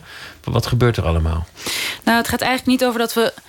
We zoeken niet naar een oplossing voor deze problemen. Het, het idee is ontstaan vanuit het gevoel dat we ons vorig jaar omsingeld voelden door die problemen. Dus eh, mijn Facebook-tijdlijn, de kranten, het nieuws wat je toch meerdere keren per dag ververst. Het waren grote thema's. En eh, nou, ook met de verkiezingen die eraan kwamen, eh, de agressie tegen de asielzoekers, eh, Trump die er dus aankwam. Het begon op onze eigen levenshouding te. Ja, hoe zeg je dat? Ik werd er zelf een beetje cynisch en pessimistisch van. En dat vonden we interessant. Hoe, je, hoe moet je jezelf nou tegen al die problemen wapenen? Moet je je wapenen? Moet je juist blijven hopen? Of moet je eh, pessimistisch worden om jezelf te beschermen? Of moet je lekker cynisch worden en achteruit zitten en eh, Want, want de, de voorwaarde voor al deze opties die je noemt... is dat, dat er een zekere machteloosheid ook bij komt kijken. Want de meest logische reactie op problemen... is natuurlijk ze te lijf gaan. ja, Een oplossing vinden. Maar dat, dat behoort niet echt tot de mogelijkheden. Jawel, maar ik denk dat de apathie die wij ook voelden, daar ook een onderdeel van was. Omdat het zoveel is. Waar begin je? En wat kan ik toevoegen? Wat kan ik oplossen? En wie ben jij nou helemaal en welke macht heb je? Ja, Ten slotte. ja, ja. En, en zit ik niet in een bubbel en kan ik het wel overzien? En, ehm, en dus wilden wij eigenlijk een voorstelling maken over cynisme, pessimisme en ehm, optimisme. En dat is eigenlijk eerder waar Night of the Problems over gaat. En daar zit een verhaallijn in. Over een eh, jongen die eh, een Persisch sprookje. Die jongen die heet Abdul. En die wordt door zijn vader, de sultan, de woestijn ingestuurd om eh, een volwassen man te worden. En hij komt eigenlijk al die problemen tegen op zijn pad. En verliest daarmee zijn naïviteit. En wordt wellicht cynisch daardoor. Ik zal het nog niet verklappen. Is het ook een generatieprobleem? Heb, heb je het idee dat het specifiek over een generatie gaat? Ja, misschien wel. Want ik merk bijvoorbeeld dat mijn ouders er anders tegenaan kijken. Die ervaren iets minder. En zelfs mensen die nog ouder zijn dan mijn ouders. Nog ouder. Die. eh, daar, ik, ik had een gesprek met een vrouw die was tegen de tachtig. En ehm, naar aanleiding van een avond die we hadden georganiseerd eh, om de voorstelling heen. En, en die vond het, eh, die zei van ja, dit hadden wij in de jaren tachtig ook. En in de jaren zeventig voelde iedereen zich ook omsingeld door problemen. En dat klimaatprobleem, dat lossen we ook wel weer op. En dat, daar ben ik zelf nog niet uit. Of het dus. Misschien ligt het ook aan onze leeftijd. We zijn begin dertig. Mensen willen misschien kinderen. Wat voor toekomst geef je die? Wat is die toekomst? Ik heb daar eigenlijk nog niet zo'n antwoord op. Ja, weet niet hoe jij dat ervaart.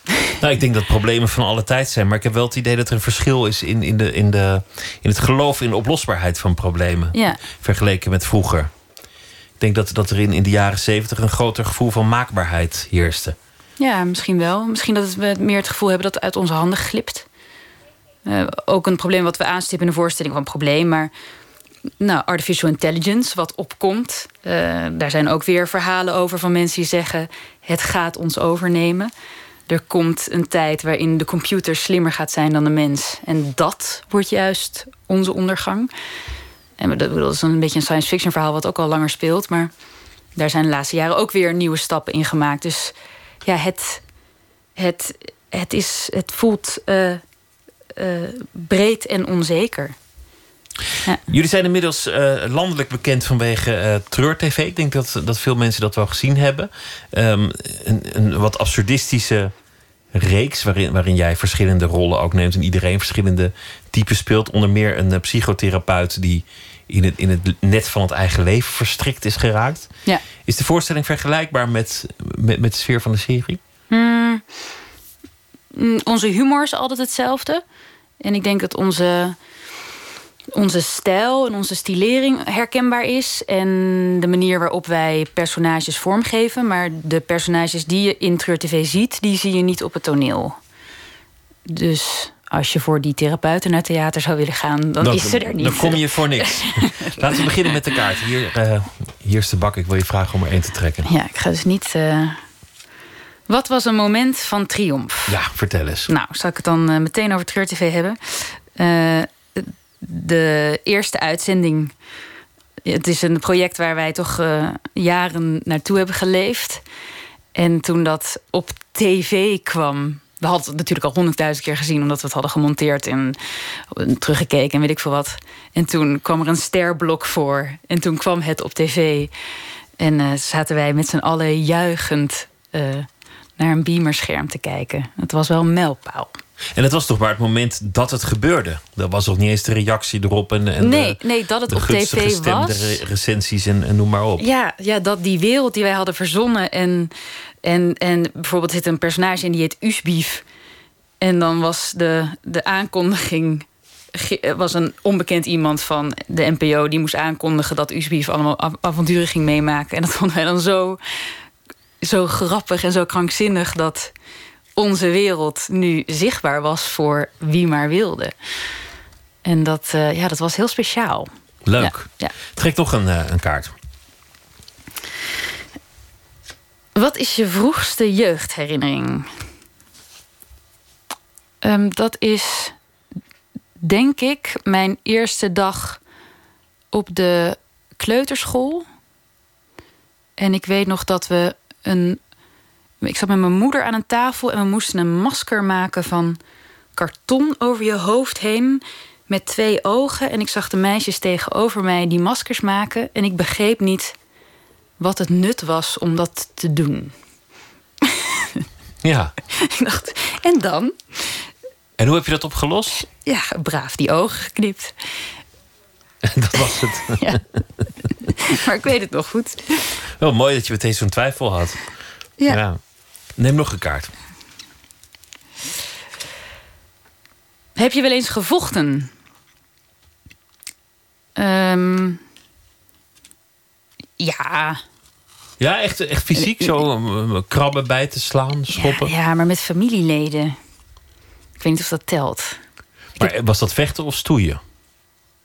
Nou, ik heb twee oudere broers, dus Oh ja, dat wordt wel vechten dan. ik werd heen en weer geslingerd en ik moest mezelf verdedigen. Maar ik, ik, heb, ik heb nog nooit iemand gehoekt of zo, bijvoorbeeld. Ik ben ook nooit gehoekt. Of in elkaar geslagen. nou, dat moet je zo houden, lijkt me. Dat is een teken van beschaving. Ja, nou heel goed. Laten we er nog één doen. Ik ga er wel hard doorheen, hè? Waar hebben je ouders je altijd voor gewaarschuwd? Jeetje. Ehm, ja, voor gewaarschuwd. Ik denk dat ze me vooral hebben willen meegeven dat ik eh, goed voor mezelf moet kunnen zorgen, dat ik zelfvoorzienend moet kunnen zijn. Toen ging ik het toneel in. Niet de beste voorwaarden om strikt zelfvoorzienend te worden, maar... Nee, maar daar zijn ze zelf ook wel weer van teruggekomen misschien.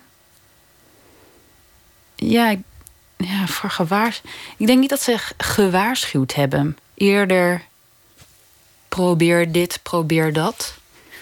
Ik heb nooit ervaren dat ze een...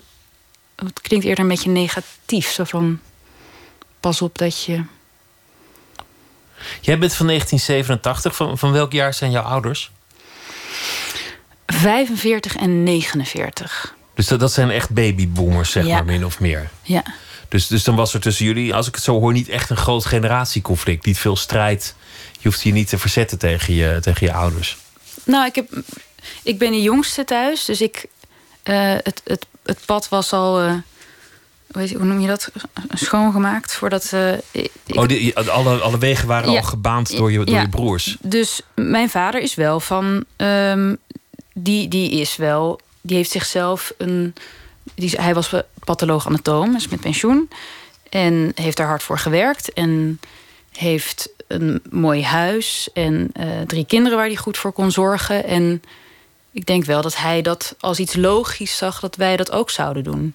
Hij heeft ons nooit de medische wetenschap ingeduwd, maar ik denk dat het, want gek genoeg zitten we alle drie in de kunsten.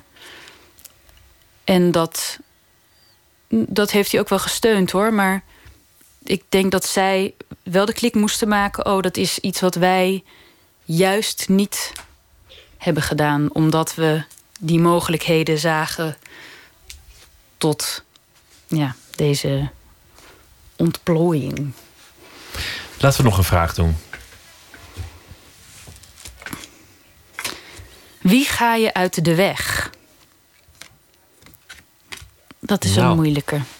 Zijn er mensen die je uit de weg gaat? Of, of types die je uit de weg gaat? Mm.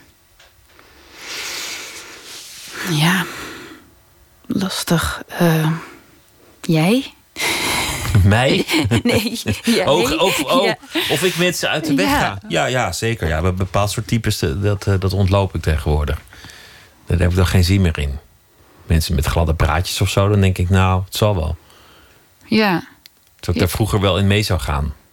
ja, ik denk dat ik oppervlakkigheid en ijdelheid... dat ik daar een beetje moe van begin te worden. Dat kom je veel tegen. Ja, misschien wel. En niet alleen in mijn vak, maar in het algemeen ook wel. Oppervlakkige avonden die niet per se gezellig zijn, maar eerder iets moeten uitstralen of iets van de buitenkant moeten zijn. Dat, dat ja, daar ga ik mijn, wil ik mijn tijd niet meer aan besteden. Ik denk dat ik bewuster op zoek ben naar. Ja, diepgang is een beetje een stom woord, maar ik denk dat ik dat wel meer mijd dan vroeger durf te vermijden. Mooi. Niet meer bang om iets te missen dus. Ja, misschien wel. Laten we nog eentje doen. Wat is een persoonlijke daad van rebellie geweest? Eh, ja. Wat is een persoonlijke daad van rebellie geweest? Ehm, nou, ik ben na mijn toneelschool. Ja, rebellie, rebellie. Ben ik naar Argentinië gegaan, twee maanden. En niemand snapte echt waarom. Dat klinkt ook een beetje zwaar, maar. Was juist de periode dat je een beetje je carrière moest opbouwen. En En ineens ging je er vandoor. En wat ging je daar doen? ja, resetten. Gewoon even niks. Ja. Ik wist eigenlijk niet zo goed meer eh, wat ik nou wilde in dit vak. Ik was twee jaar afgestudeerd. Ik vond het eigenlijk niet zo leuk.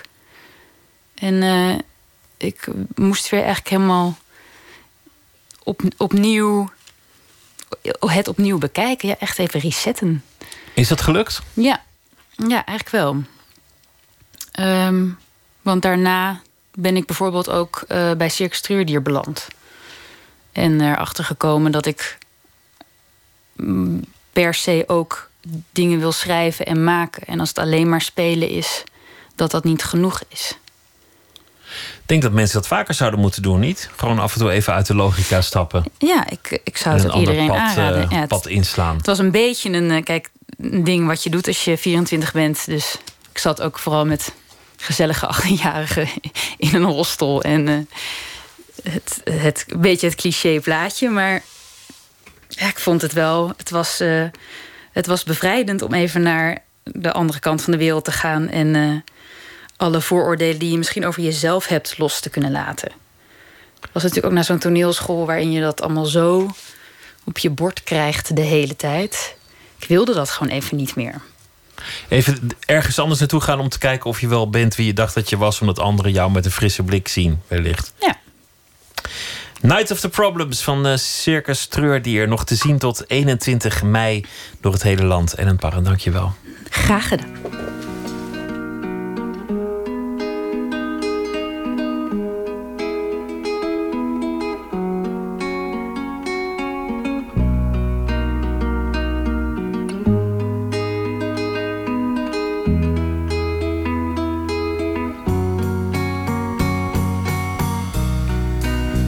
Me each morning for a million years. Hold me each evening by your side.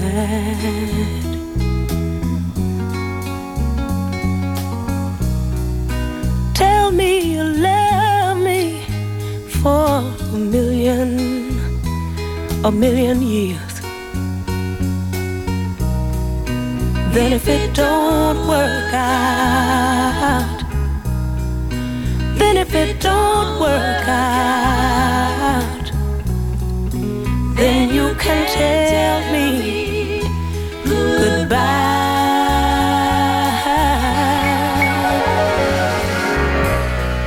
Sweeten my coffee with a morning kiss.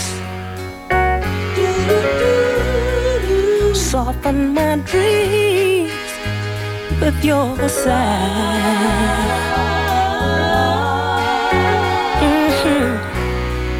And after you've loved me for a million, a million years,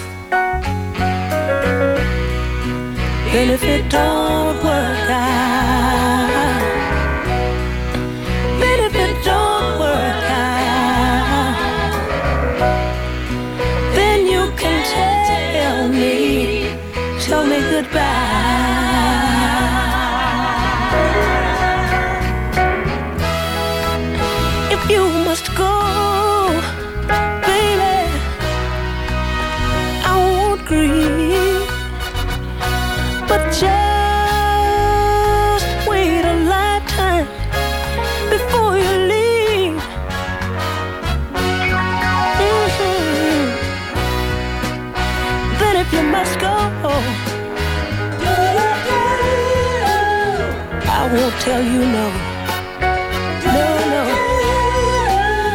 so that we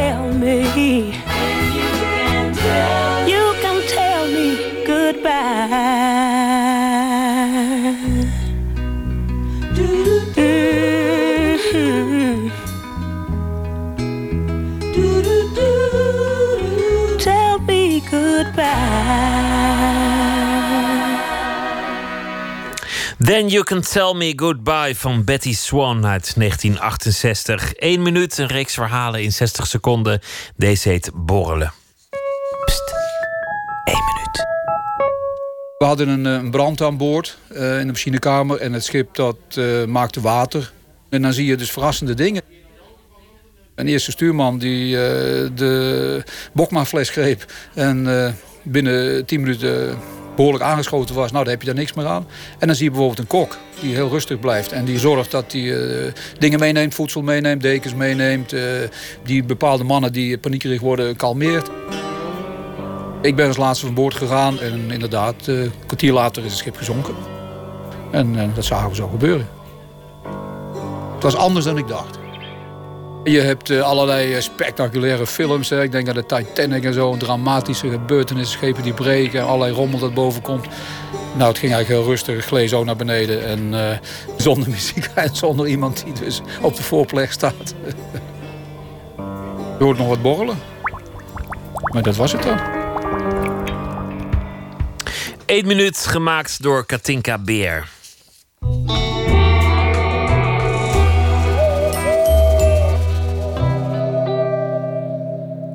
Wanda Rijssel zal deze week elke nacht een verhaal voordragen over de dag die achter ons ligt. Ze schrijft romans, scenario's, theaterstukken.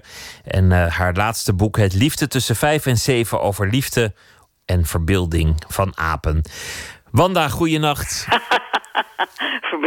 Van apen. Zo. Ja, wat leuk dat je dat weer eens gaat doen. Een, eh, een, eh, een hele week, elke nacht een, eh, een verhaal maken en voordragen. Dat vind Ja, ik- vind ik ook ontzettend leuk. Er is eh, aan me getrokken. Dat, en ik, het kost altijd wel, wel even wat tijd. En nu heb ik tijd gevonden. Mooi. Nou, ik ben blij dat je deze week elke nacht aan de lijn krijgt. Tja, er was veel aan de hand vandaag, eh, veel gebeurd in de wereld. Wat, wat heeft jou eh, eh, geïnspireerd? Ja, nou, van, vandaag echt deze dag even helemaal niks. Maar, want het was ontzettend mooi weer. En lekker even, even naar het uitzicht gekeken. Maar ehm, ik wilde eigenlijk even eventjes terugkijken. En dat was op het afgelopen boekenbal. Was jij daar? Nee. Oké. Ik, was, ik had wel een kaartje, zo'n felbegeerd stukje papier. Nou, Maar omdat ik ook hier eh, eh, nog, nog eh, moest, moest zijn, dacht ik ja, om daar nou heen te gaan en dan niet straallam om vier uur s'nachts thuis te komen, dat vind, ik- dat vind ik gewoon niet kunnen. vind ik tegen de etiketten. het, het is mij ook niet gelukt. Oké, Zal ik je vertellen. Zal ik het voorlezen? ja, ga je gang. Oké. Het was kwart voor negen op het boekenbal van de verboden vrucht. En iedereen was in afwachting van wat komen ging. In 1969, toen ik 14 was, had ik hier in Paradiso in het kleine voorportaal nog aan een kwartjestelefoon met mijn vader staan bellen of ik in plaats van om 12 uur misschien deze ene keer om 1 uur thuis mocht komen. Daar kwam niks van in. En ik moest mijn vrienden vaarwel zeggen die op Pink Floyd een verboden plant lagen te roken. Minder dan 50 jaar later, later maakte hier een keiharde discodreun elk gesprek van meer dan drie woorden onmogelijk. Ik had alle trappen beklommen en vanaf het hoogste balkon zweefde ik over de wateren met een wapperend papieren zakdoekje in mijn oren. Onder mij, in de danteske diepte, zag ik een overwegend oude publiek in gala en smoking jeugdige pogingen doen de heupen los te schudden. En daar, in het midden, spot ik een opzichtig gesminkte Eva... die gewaagd een lange, dikke, witte python om haar lichaam liet glijden. De hoofdpersonen van deze dolle avond, Herman en Connie met hun familie en hun uitgevers, zaten wat opgelaten in een L-vormige bank op het Paradiso-podium met elkaar te praten. Waar zij, als in een toneelstuk, geacht werden net te doen alsof de nokvolle en in spanning afwachtende zaal niet bestond. Schrijver Tom Lanois beklom ongevraagd het podium om vervolgens wanhopig dansend de aandacht te trekken. Voor wat was onduidelijk, al kon ik het wel raden. Het Paradiso-paradijs bleek de disco-hel te zijn waarin we opgesloten waren. De blinde en dove albino Python, die in het donker van de zaal tussen de hupsende benen doorkroop, werd niet opgemerkt. Gevlucht naar de catacombe vond ik daar eindelijk stilte. Er werden tegen een aanzienlijke prijs verboden zeevruchten verkocht, maar die roken niet fris meer.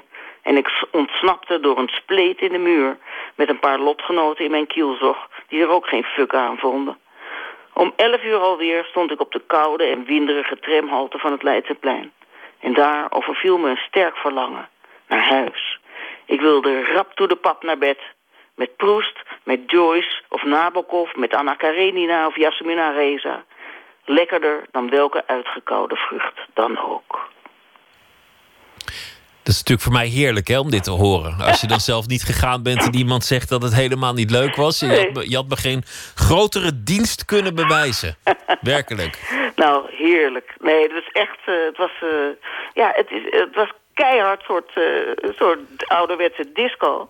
En ja, op het boekenbal wil je gewoon toch ook gewoon een, lulpraatje maken met eh, deze of gene. En eh, niet als een soort van jong iemand van 16 op een, op een feestje staan te dansen. Dat kan wel, maar dat is in de Schouwburg natuurlijk altijd in een paar zalen. Maar dan kan je in de wandelgangen nog een beetje met elkaar praten. En nu, ja, eh, nu werd het een soort van nep, eh, nep houseparty eh, waar iedereen meedeed. Maar er gebeurde helemaal niets. Er was, Ja. er was wel iets eh, te verwachten, maar... En eh, ja, Ik hou, ik hou er ook nooit van als muziek heel hard staat. Dan denk ik altijd meteen aan Guantanamo Bay en dat soort, dat soort plekken waar het, waar het als een martelwerktuig is Nou, bedoeld. dat, dat was het echt. Er zijn echt mensen linea recta weer naar buiten gegaan. De, de, de, de rij scheen echt eh, om nu of tien eh, eh, aangegroeid te zijn tot in het Vondelpark. En mensen hebben een uur in de rij gestaan. Wij waren vrij vroeg en toen duurde het maar tien minuten. Dan kon je al naar binnen. Maar het was meteen vanaf half negen was er keiharde muziek. En verder gebeurde er niets. Oh, en ik hoorde ook nog van Erik Jan Harmens dat er een klein plasje bier tot aan de enkels stond. Oh, dat, eh, dat is vast na mijn vertrek gebeurd. nou, jullie hadden me allebei geen eh, grotere dienst kunnen bewijzen met dit soort anekdotes. Blijf je een heel jaar dankbaar en eh, tot Nou, morgen. heel goed. Je hebt niets gemist. Wanda, goeienacht. Oké. Dag, goeienacht. Agnes Sobel en ze komt uit Denemarken. Het nummer heet It's Happening Again.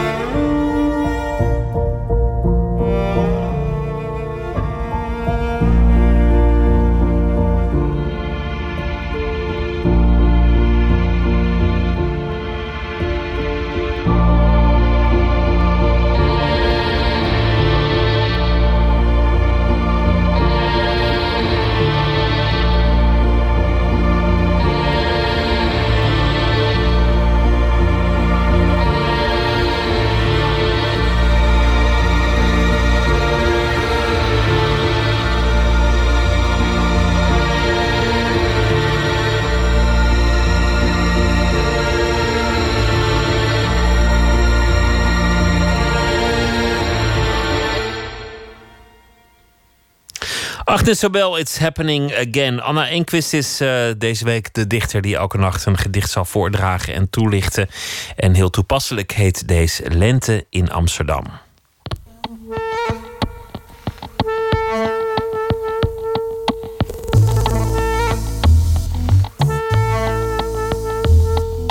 Ik ben twee jaar lang eh, stadsdichter van Amsterdam geweest. En dat veroorzaakte bij mij wel wat ambivalentie.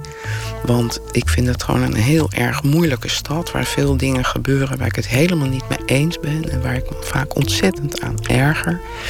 Ik heb dat in dat stadsdichterschap gedeeltelijk opgelost... door die stad te bekijken uit de ogen van mijn kleinkinderen... die heel erg van die stad houden. Maar ik dacht, ik moet toch ook eens een gedicht maken... over wat ik er zelf van denk. Die periode dat ik het schreef, was het enorm koud. Het was lente, april of mei of zo... maar je moest echt drie truien over elkaar aan... en gure wind en een, nou ja, het leek gewoon winter. En ik dacht steeds, ja, ik moet toch over die stad schrijven. Dus schrijf dat dan maar op. En uh, ja, echt mijn eigen vroegste ervaringen met die stad, dat we daar woonden. Ik was een kind van twee en toen gingen we verhuizen. En mijn eerste herinnering is echt zo'n lege kamer en dat ik met mijn benen vooruit zo op die kale planken zat. Maar ja, later ben ik toch natuurlijk teruggegaan. Ik heb mijn hele leven daar gewoond, dus het is mijn stad. En aan het eind van het gedicht zie je ook wel dat ik me dan in de stad verplaats en het eigenlijk ook wel zielig vind. Hoe uh, er met die stad wordt omgegaan. He, dat ze erin boren om die vreselijke metrobuizen aan te leggen. En dat die grachten mishandeld worden door al die vrachtauto's die er overheen rijden. En, uh, maar als je goed kijkt, kan je toch ook wel zien dat die stad ook heel erg mooi is. Lente in Amsterdam. Ik weet het. Je staat te rillen in je zomerjurk en toch schrijf ik, schrijf ik naar mijn stad. Schrale wind blaast je bloemen omver, tovert toorn in de blik van passanten. Het past mij niet je te schrijven, ik schrijf je. Hoe ik je verliet vormt het vroegste beeld in mijn hoofd. Lege kamer, de planken, herrie op straat, alles weg. Wie komt er terug naar een moeder die schreeuwt en zich aanstelt? Wreed, zorgeloos, opgedirkt met lichten en linten. Ik. Naar een die haar kinderen doodt en verdrinkt en s'avonds gaat dansen. Ik. Jij kan het niet helpen. Je kreunt rond je grachten. Ze versnijden je hart en ze boren diep in je darmen. Ik schrijf aan mijn stad in de kille lente. Wij hebben alles verloren, hebben spijt, wij zijn oud. Schoonheid zien we met moeite, verdriet. We hebben het koud. Anna Enquist was dat met het gedicht Lente in Amsterdam. Morgen in Nooit meer slapen modeontwerper Ronald van der Kemp op bezoek van uh, het merk RVDK. En hij komt uh, vertellen over de kleding, de mode en alles wat ermee samenhangt. Voor nu een hele goede nacht en graag weer tot morgen.